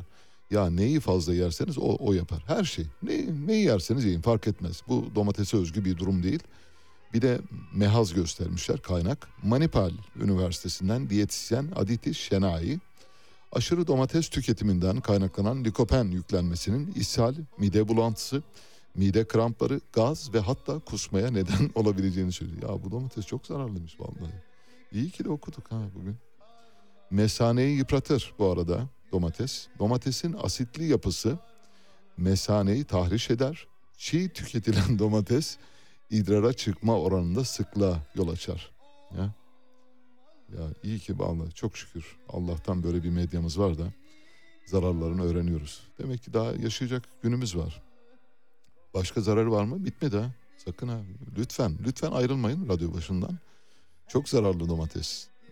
Koyun buzdolabının üzerine aranıza bir mesafe koyarak bakın. Ciltte kızarıklık oluşturur diyor domates. Kırmızı ya. Ek gıda sürecindeki bebeklere kesinlikle domates verilmemelidir. Alerjik bir besin olan domateste histamin adı verilen bir madde bulunur. Bu madde ciltte tahriş ve kızarıklık yaratabilir. Ya histamin pek çok şeyde var. Sadece domateste yok ki. Ayrıca domatese, çileğe, şeftaliye, şuna buna alerjisi olan çocuklar vardır. Çok normal. Dolayısıyla şeftali alerjisi varsa şeftali vermesiniz. Süte alerjisi varsa süt vermesiniz. E, domatese alerjisi varsa domates vermeyin. Ama bütün çocukların domatese alerjisi olduğunu söylemek gaflet bile değil. Başka ne? Bomba sonda. Bombayı sona sakladım Ege'ciğim hazır mısın? Evet sandalyeden düşmeyin lütfen. Domates üreme sağlığını riske atıyor. Sperm üretimini zayıflatıyor. Ya en en çok bu. Bu bu haber mesela bu haberi bunun için okudum ben. Bunun için paylaştım. Buraya kadarı kabul edilebilir. Yani midemizde ekşimeye yol açıyor, bağırsaklarımızı bozuyor, derimizde kızarıklıklara yol açıyor, mesaneyi yıpratıyor falan. Onları geçtik. Onların hepsi tedavi edilebilir. Fakat bu üreme var ya bugünden sonra Türk erkekleri ben size söyleyeyim. Vallahi domatesi menüden kaldırsınlar. Domatesi menüden kaldırmazsanız menü ifrazatınız azalıyor. Bunu da havuz medyasının büyük havuz medyasının görkemli haber bültenlerinden yaptığımız seçkiden anlıyoruz. Enflasyon bir armut gibi böyle olgunlaşıp daldan düşebilecek bir data değildir dedi. Şimdi fiyatlar düzeyi belli bir seviyeye kadar ulaştığında hepimizin günlük hayatında biz ne yapıyoruz? İşte bir bardak 10 lira, yarın 15 lira oluyor, bir gün 20 lira oluyor. Siz eskiden altılı bir bardak alırken üçlüye dönüyorsunuz, ikiliye dönüyorsunuz. Talep burada azaldığında belki enflasyonun belli bir noktada durması sonucu oluşabilir. Enflasyon bir armut değildir. Olgunlaşıp dalından düşmesini beklemeyiniz değil mi? Bunu bir e, motto olarak yazmak lazım. Ali Çağatay'la Seyir Hali hafta içi her sabah 7 ile 9 arasında Radyo Sputnik'te. Peki, e, evet domates üzerine ironiyi daha fazla uzatmayacağız. Zaten her şey ortada. Yani bu bir komedi bile değil. Hakikaten maskaralık yani başka türlü izah etmek mümkün değil. Yani domates pahalı ve domatesin yenilmemesi için ya da domates tüketimini azaltmak için Oğuz medyası şu anda seferber olmuş durumda. Domatesle ilgili bilmediğimiz pek çok şeyi sanki tehlikeliymiş gibi e, bugün gündeme getirmiş olmaları herhalde manidar. Ama şimdi size sunacağımız haber hakikaten bu gerçek anlamda tehlikeli. Cimpi cimpi diye bir bitki var. Bir e, Amazon bitkisi muhtemelen Amazon bitkisi tam bilmiyorum orijinali ama zannediyorum dünyanın en tehlikeli bitkisi. Şu anda Harun size fotoğrafını gösterecek. Bir koleksiyoncu var. Bir bitki koleksiyoncusu. Yani biyolojik e, türleri toplayıp evinde bir sergi yapmış ama bu serginin olduğu bahçeye ancak muhafazalı giysilerle girebiliyorsunuz ve camın arkasından seyrediyorsunuz. Çünkü dünyanın en tehlikeli bitkilerini biriktirmiş bir koleksiyon yapmış. Bu bitkilerden bir tanesi Cimpi Cimpi. Cimpi Cimpi kendisine temas eden canlı her ne olursa olsun bu kirpi bile olsa aynı şeye yol açıyor. Tüyleri deriye bulaştığı andan itibaren günlerce ağrıdan, sızıdan duramıyorsunuz. Hatta bu yüzden intihar edenler bile olmuş. İntihara sebebiyeti vermiş. Avustralya ve Endonezya'nın yağmur ormanlarında bulunuyor.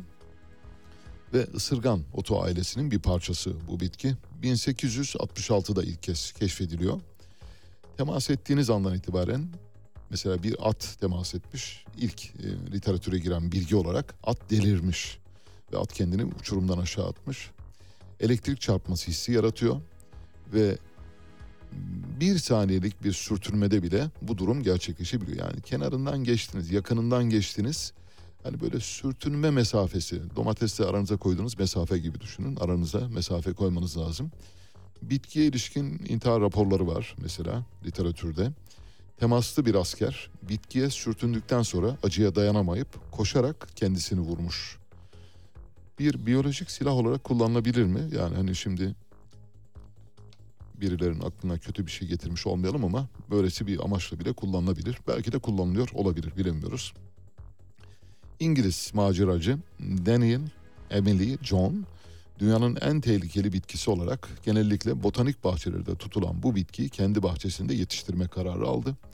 Söz konusu koleksiyoncunun adı bu Daniel.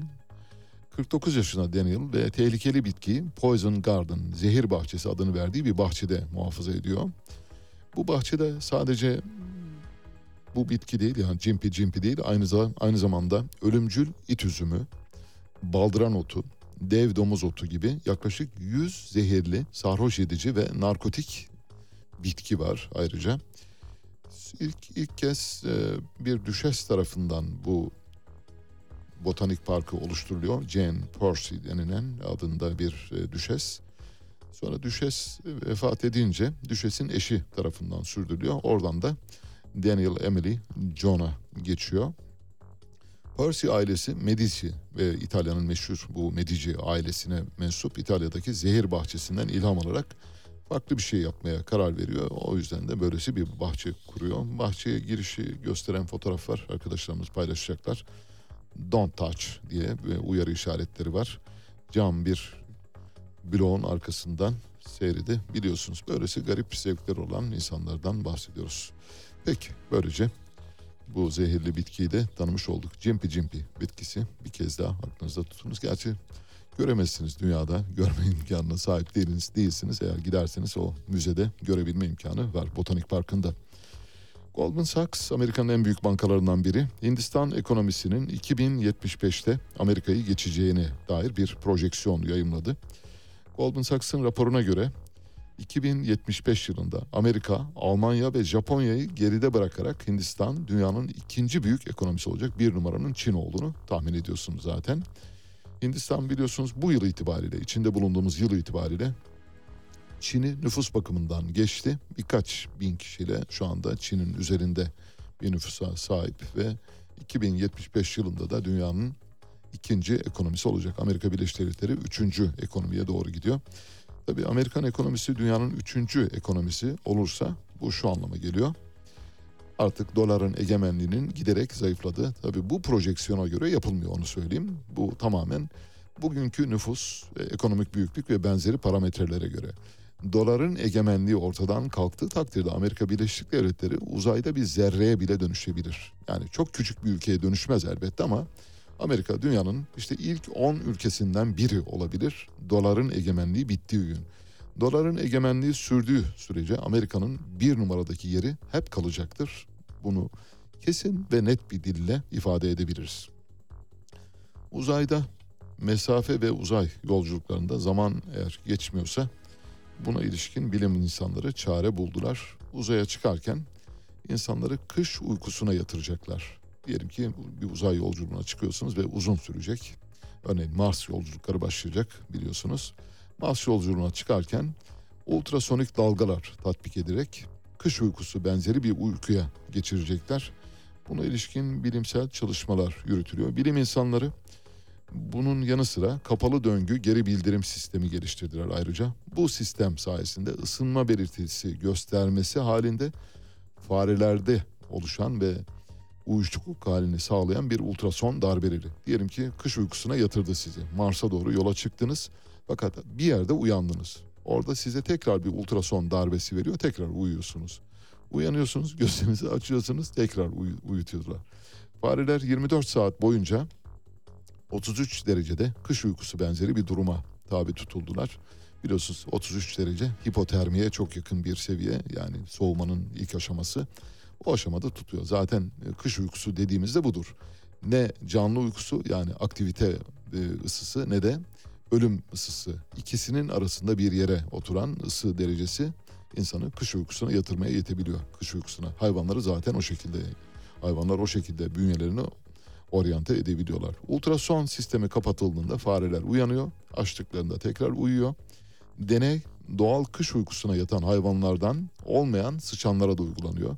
Sıçanlarda aynı beyin bölgesi hedeflendiğinde çekirdek vücut, vücut ısısında bir derecelik bir düşüş oluyor. Nature Metabolism dergisinde yayımlanan çalışmayı yöneten Washington Üniversitesi doçenti Hong Chen sonucun şaşırtıcı ve büyüleyici olduğunu ve tekniği daha büyük hayvanlara tatbik etmeyi planladıklarını söyledi. Daha büyük hayvan kim? Ege'cim daha büyük hayvan kim? Biziz. Onlardan büyük sıçanlardan sonraki büyük hayvan biziz. Bize geliyor sıra. Evet böylece demek ki kış uykusuna yatırarak insanları uzayda son istasyona geldik. Hemşerim kalk. Yani biletçi gelir ya. Hemşerim kalk son durağa geldik der. Siz de o zaman böyle gözünüzü uçturarak uyanırsınız. Şimdi son Mars istasyonuna geldiğinde pilot yukarıdan sizi sarsarak uyandıracak. Çin'in ilk yerli ve büyük yolcu uçağı C-919 ilk ticari seferini başarıyla tamamladı.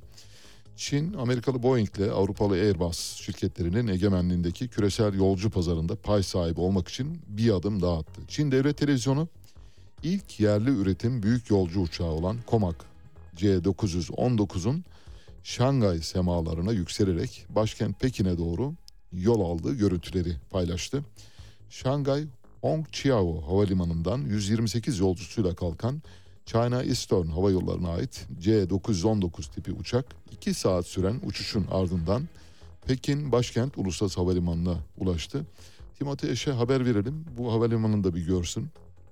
Orada acaba şey var mı yok mu? Uçaklar aynı zamanda inip kalkabiliyor mu? Yani aynı pistte, paralel pistlerde uçağın biri inerken öbürü kalkabiliyor mu? Eğer varsa demek ki Çin de bizim seviyemize gelmiş demektir. Timothy bu meseleyle de ilgilenebilir diye düşünüyoruz. Boeing 737 ve Airbus 320'lerin muadili yani ana ve büyük gövdeli uçaklardan bir tanesi. Bu arada Çin biliyorsunuz bu uçakları dışarıda kullanamayacak. Neden kullanamayacak? Vallahi dünyada iki tane büyük uçak tekeli var. Yani 3-4 Kanadalı var ve bir de Brezilyalı var ama onlar küçük gövdeli uçak üretiyorlar. İki tane büyük uçak üreticisi var. Bir tanesi Amerikalı Boeing, öteki de Avrupalı Airbus. Bu ikisinin patentine sahip değilse bir uçağın uluslararası dolaşıma ya da uluslararası hat e, organizasyonlarına dahil edilmesi söz konusu olamıyor. Bu yüzden de Çin bu uçağı içeride kullanacak. Eğer bir gün Amerika'nın egemenliği kırılırsa, Airbus'un egemenliği kırılırsa, Boeing'in egemenliği kırılırsa Çin'in bu uçağı uluslararası seferlere de çıkabilir. Ama şimdilik içeride kullanılacak.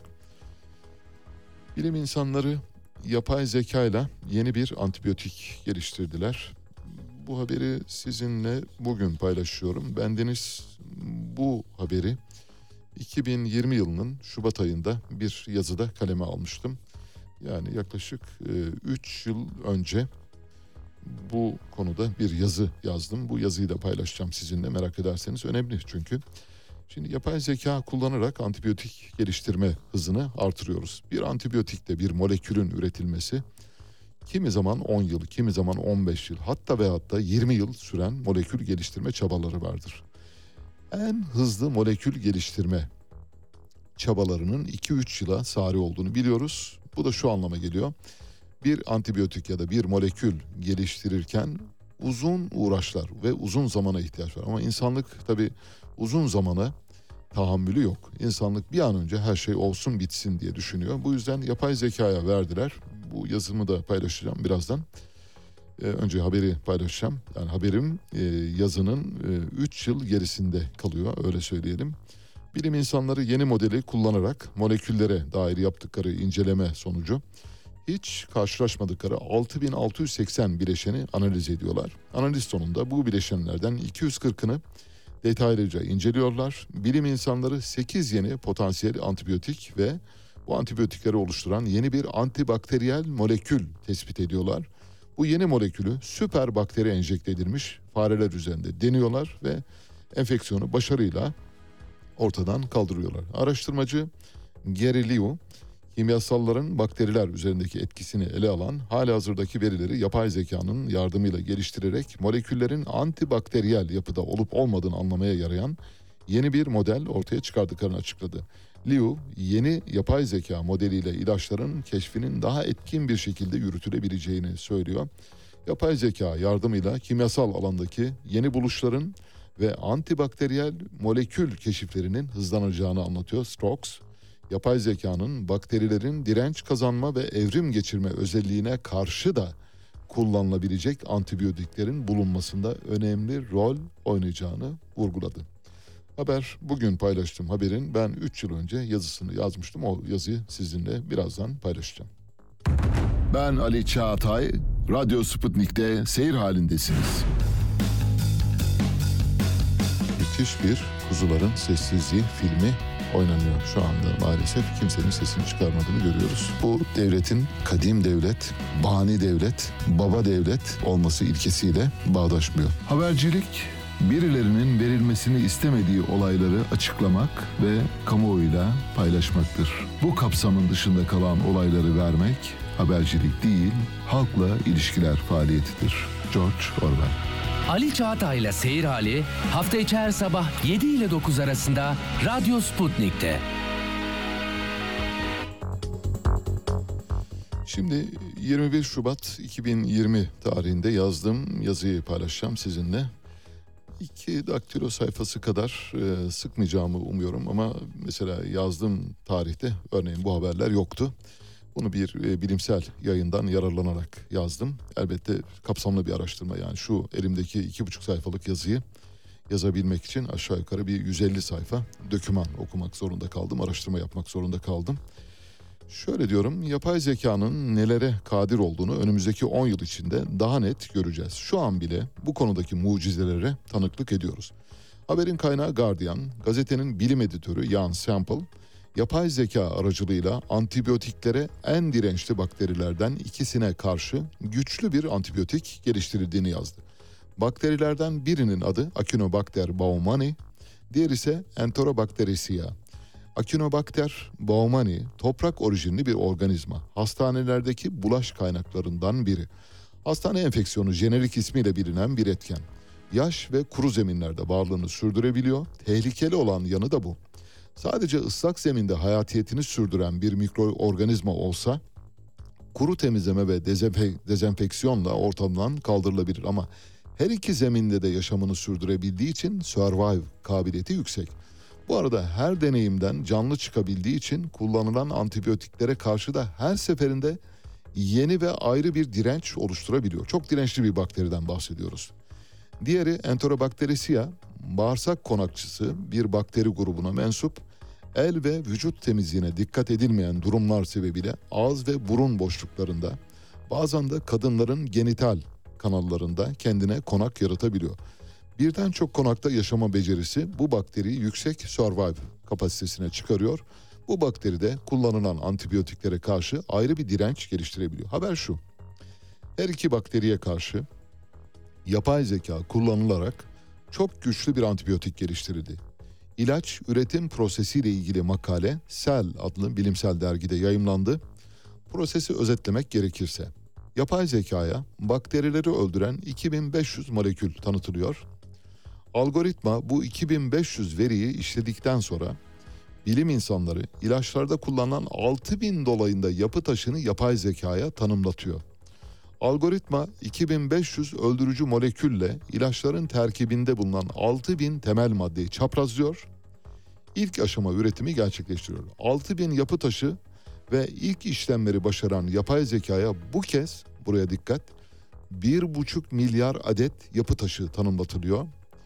3 günlük işlemin ardından 1,5 milyar adet yapı taşını 3 günde sonuçlandırıyor. Şimdi 1,5 milyar adet yapı taşını bir laboratuvarda 100 bin kişiden oluşan bir tıp ordusunun önüne koyun 10 senede yapamaz. Ama yapay zeka 1,5 milyar adet yapı taşını 3 günün sonunda tanımlıyor ve 23 ayrı şahane antibiyotik prototipi çıkarıyor. Diyor ki bakın bu maddeleri çaprazladım ortaya 23 tane size böyle şahane antibiyotik buldum. Bu 23 prototip söz konusu dirençli bakterilere uygulanıyor ve sonuçta elde edilen 23 prototipin ikisi Acinobacter baumannii ve Enterobacteriaceae bakterilerine karşı etkili olduğu anlaşıldı. Bir kez daha tekrarlayalım mı? Şimdi düşünün 2500 molekül alıyorsunuz. Bu molekülü 6500 yapı taşına tanımlatıyorsunuz. Sonra bu 6500 yapı taşına tanımlatılan maddeyi 1,5 milyar adet yapı taşına tekrar tanımlatıyorsunuz. Yani bir üst gruba geçiyorsunuz ve size 23 tane antibiyotik veriyor. Bu 23 antibiyotikten iki tanesi o kadar etkili oluyor ki bugüne kadar tedavisi konusunda çaresiz kalınan ve çoğu kez çaresiz kalınan iki tane bakteriye karşı son derece dirençli iki molekül çıkıyor. İşte bu moleküllerin elde edilebilme hızı o kadar hızlı ki 3 günde yapıyor. 3 günde yapay zeka 100 bin kişilik bir tıp ordusunun 10 senede yapamayacağı bir işi tek başına başarıyor. Yapay zekanın öneminin ne kadar artmaya başladığını göreceğiz. Ayrıca burada belirtiyorum zaten yazıda diyorum ki söz konusu antibiyotik söz konusu bakterilerin yeni varyant oluşturmaları durumunda bile yeni moleküller ekleyerek daha dirençli hale gelebiliyor. Yani bakteri kendini yeniledikçe antibiyotik de kendini yenileme kapasitesine sahip olabilecek durumda.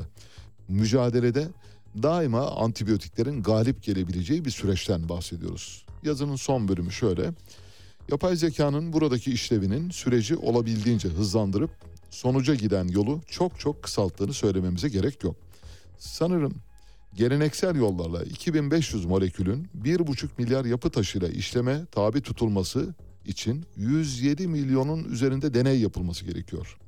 107 milyon deneyden bahsediyoruz. Bunun için gerekli kişi ve zaman sayısını elde etmek uzun bir zamanı ve finansmanı gerektiriyor.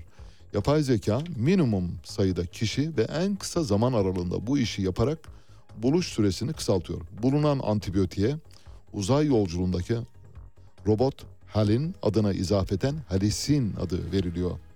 Araştırma ekibindeki bilim insanları gelecekte yapay zeka yardımıyla minimum zaman, minimum eleman, minimum finansmanla bakterileri nokta atışı yok edecek maksimum etkili antibiyotikler üretebileceklerini belirtiyorlar. Bu arada yeni jenerasyon antibiyotikler sayesinde bakterileri öldürürken burası çok önemli. Yararlı mikroorganizmalara zarar verilmesi de önlenebiliyor. Bağırsak, kulak, burun, boğaz ve organların normal florasının ölümüne yol açmayarak vücut direnci de korunuyor. Antibiyotiklerin en büyük sakıncası ne? Normal bakterileri öldürürken florayı da öldürüyor. Mesela bağırsakta bir enfeksiyon var. Gönderiyorsunuz. Bakteriyi öldürüyor fakat bağırsak florasını da ortadan kaldırıyor. Siz ishal oluyorsunuz. İşte bu tür sakıncaları ortadan kaldırıyor. İşte boğazınızla ilgili bir bademciğiniz şişti. Bir antibiyotik alıyorsunuz. Mikropları öldürüyor ama bu arada sizin direncinizi kırıyor ve bademcik zafiyetinden dolayı yeni bir hastalığa yakalanıyorsunuz. Bunu da ortadan kaldırıyor. Yazının sonucu şöyle. Neden diye soruyorum. Son paragraf. Geleneksel antibiyotikler girdikleri yerde yararlı zararlı ne varsa yok ediyor.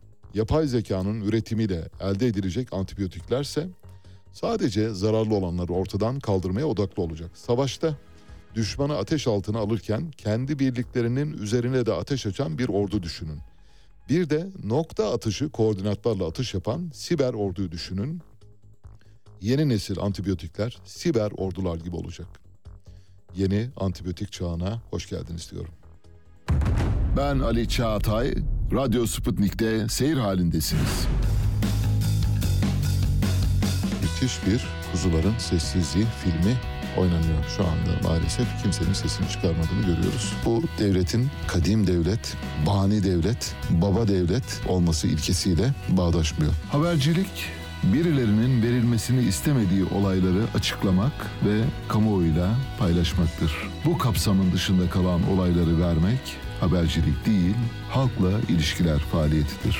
George Orwell Ali Çağatay'la Seyir Hali hafta içi her sabah 7 ile 9 arasında Radyo Sputnik'te.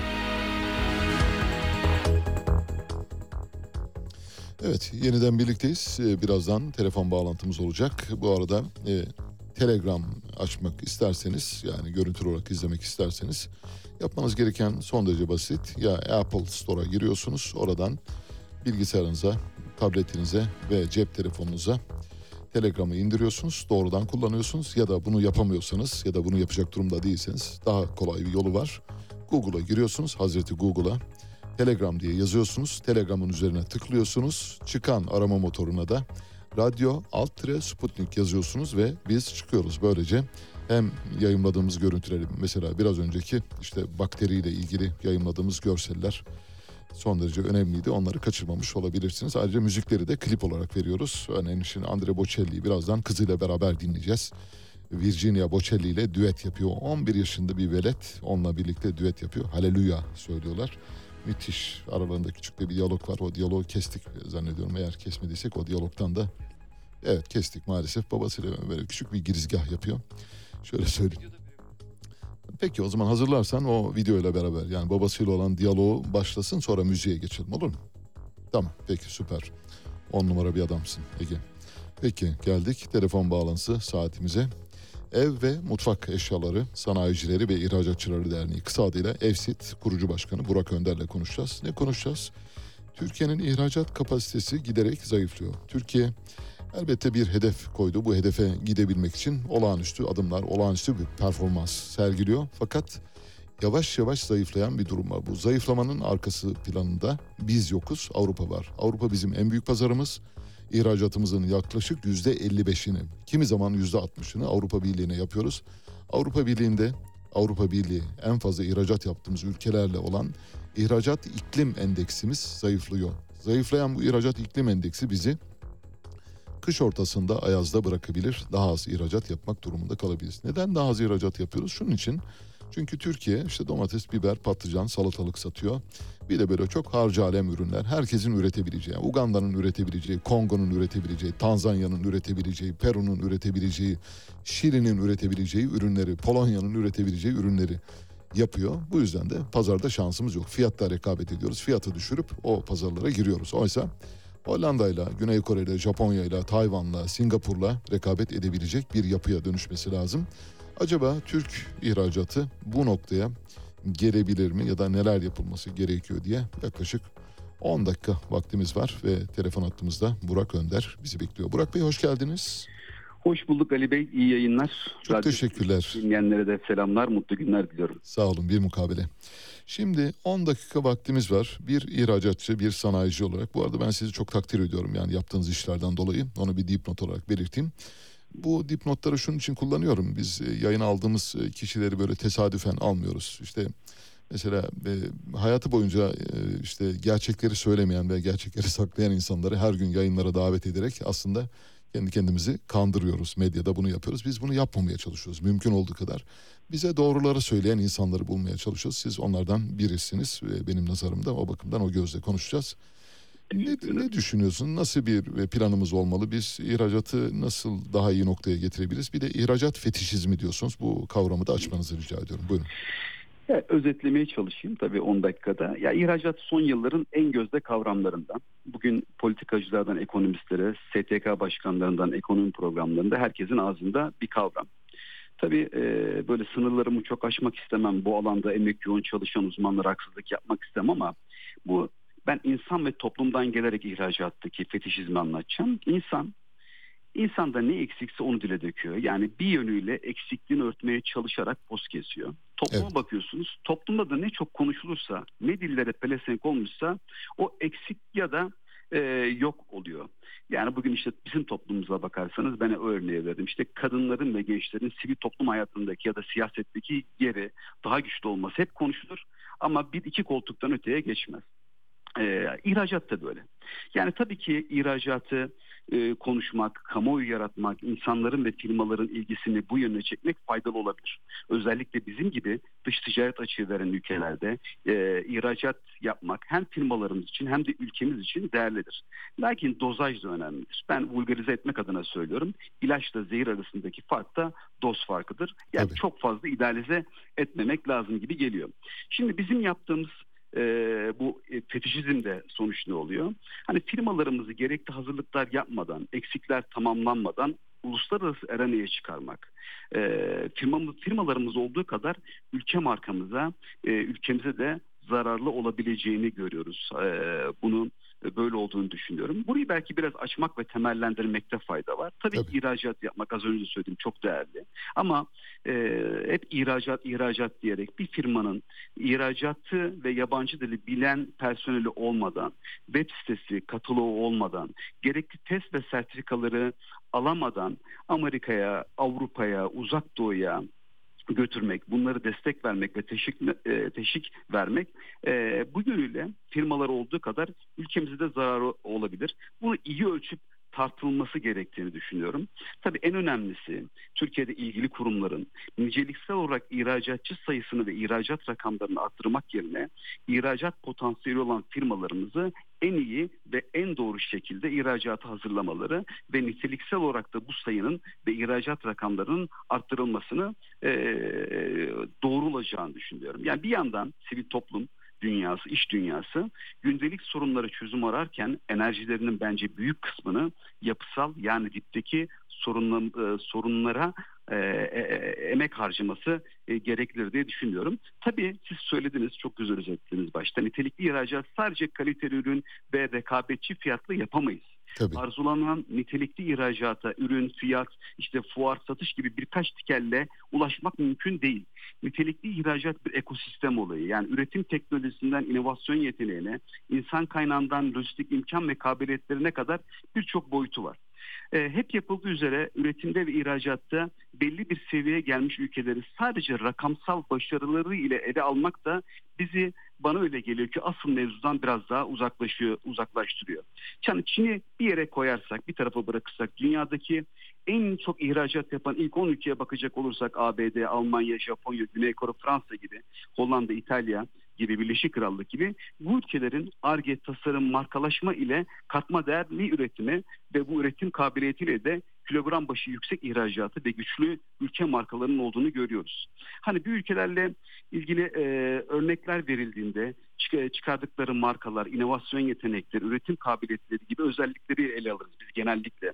Fakat bizim ihtiyacımız olan bence biraz daha diptekini, daha derindekine e, görmemiz gerekiyor. Hani klasik bir analoji üzerinden gidecek olursak hep Türkiye'de Güney Kore örneği verilir. Hani Türkiye'nin üretim ve ihracatta geri kalmışlığını örnek verirken işte Güney Kore'nin 1950'lerde e, bizimle beraber kişi başı e, milli geliri işte ya da gayri safi milli hasılası bize yakınken 1980'den sonra aradaki farkın çok hızlı açıldığı söylenir. Elimizdeki cep telefonu markalarıyla da hatta derler işte bu kadar e, markaları var işte bu markaları çıkardılar. Tabii doğru. Markalaşma tabii e, önemli. Güney Kore'nin dünyada çıkardığı markalar e, Güney Kore'yi ülke e, olarak güçlü bir hale getirdi. Ama bana sorarsanız bu buzdağının gözüken kısmı. Buzdağının görünmeyen kısmı ne? Asıl önemli olan Güney Kore'nin sineması, edebiyatı, sanatı, eğitimi, kültürü. Bravo, yani aynen. biraz Besim Hoca'nın, Besim Dellaloğlu var sosyolog. Onun e, kültürel çalışmalar yönünde e, ya- yazdığı kitaplar ve e, çalışmalar var. Onları takip ediyorum. Daha değerli olan poetik kısmında. Kesinlikle. Dünyadaki tüm gelişmiş ekonomilere bakarsanız poetik olanın yani kültürün, e, marifin, marif derken sadece eğitim, klasik anlamda eğitim değil. Bunun içine sanatı, edebiyatı, felsefeyi birçok e, disipline koyarak söylüyorum. E, temel bu olmuş. Politika ve ekonomi bunun üzerine inşa edilmiş. Eğer temelde poetik olan yoksa, kültür yoksa, edebiyat yoksa, sanat yoksa, felsefe yoksa üzerindeki e, bina ne yazık ki çok sağlam olmuyor. Bence diptekini görmek lazım. Batıya bakarsanız batıda da örnek verilir. Batının sanayi, ihracat ve markalaşmadaki e, başarısı. Burada da yine bana sorarsanız e, batıyı batı yapan şey sanayi devrimi değildir, matbaanın icadıdır.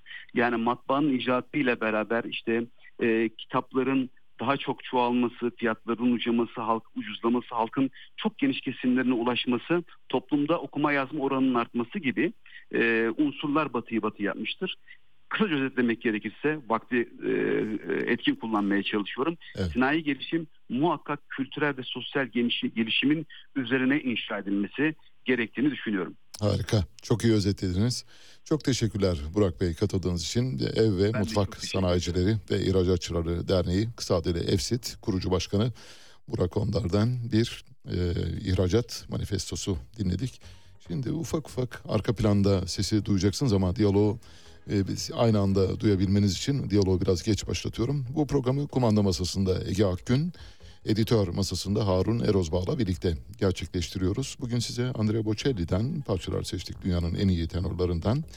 Andrea Bocelli son parçasını 11 yaşındaki küçük kızı Alfa kuşağından Virginia ile birlikte seslendiriyor. Haleluya.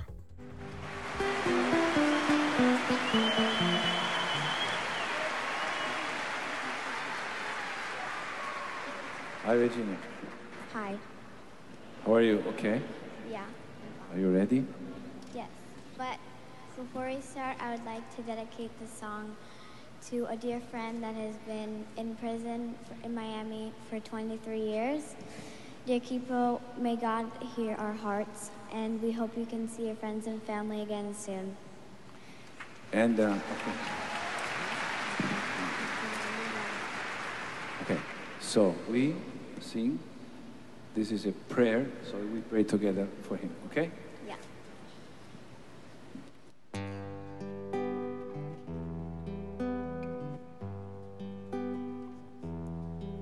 And I've heard there was a secret chord that David played and pleased the Lord.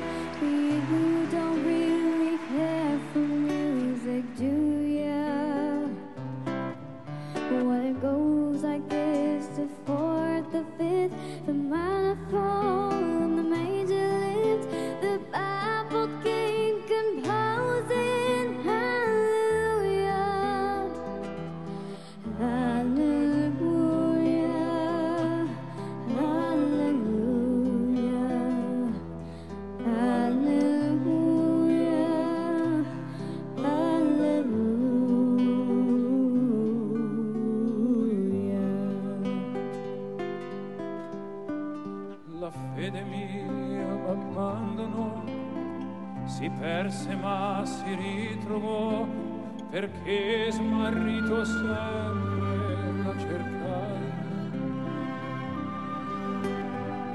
Bellezza, incanto e nostalgia ferirono la mente mia, che lacrime gridava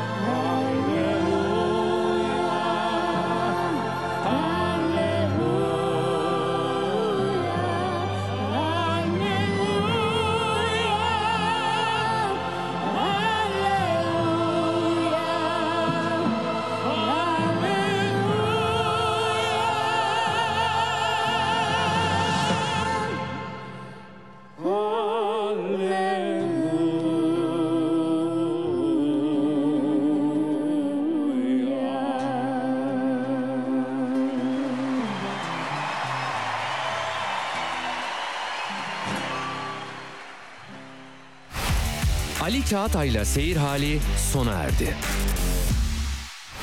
Güne erken başlayanların, gündemi ıskalamayanların, siyasetin, ekonominin, sanatın, kısacası hayatın seyrini kaçırmayanların programı.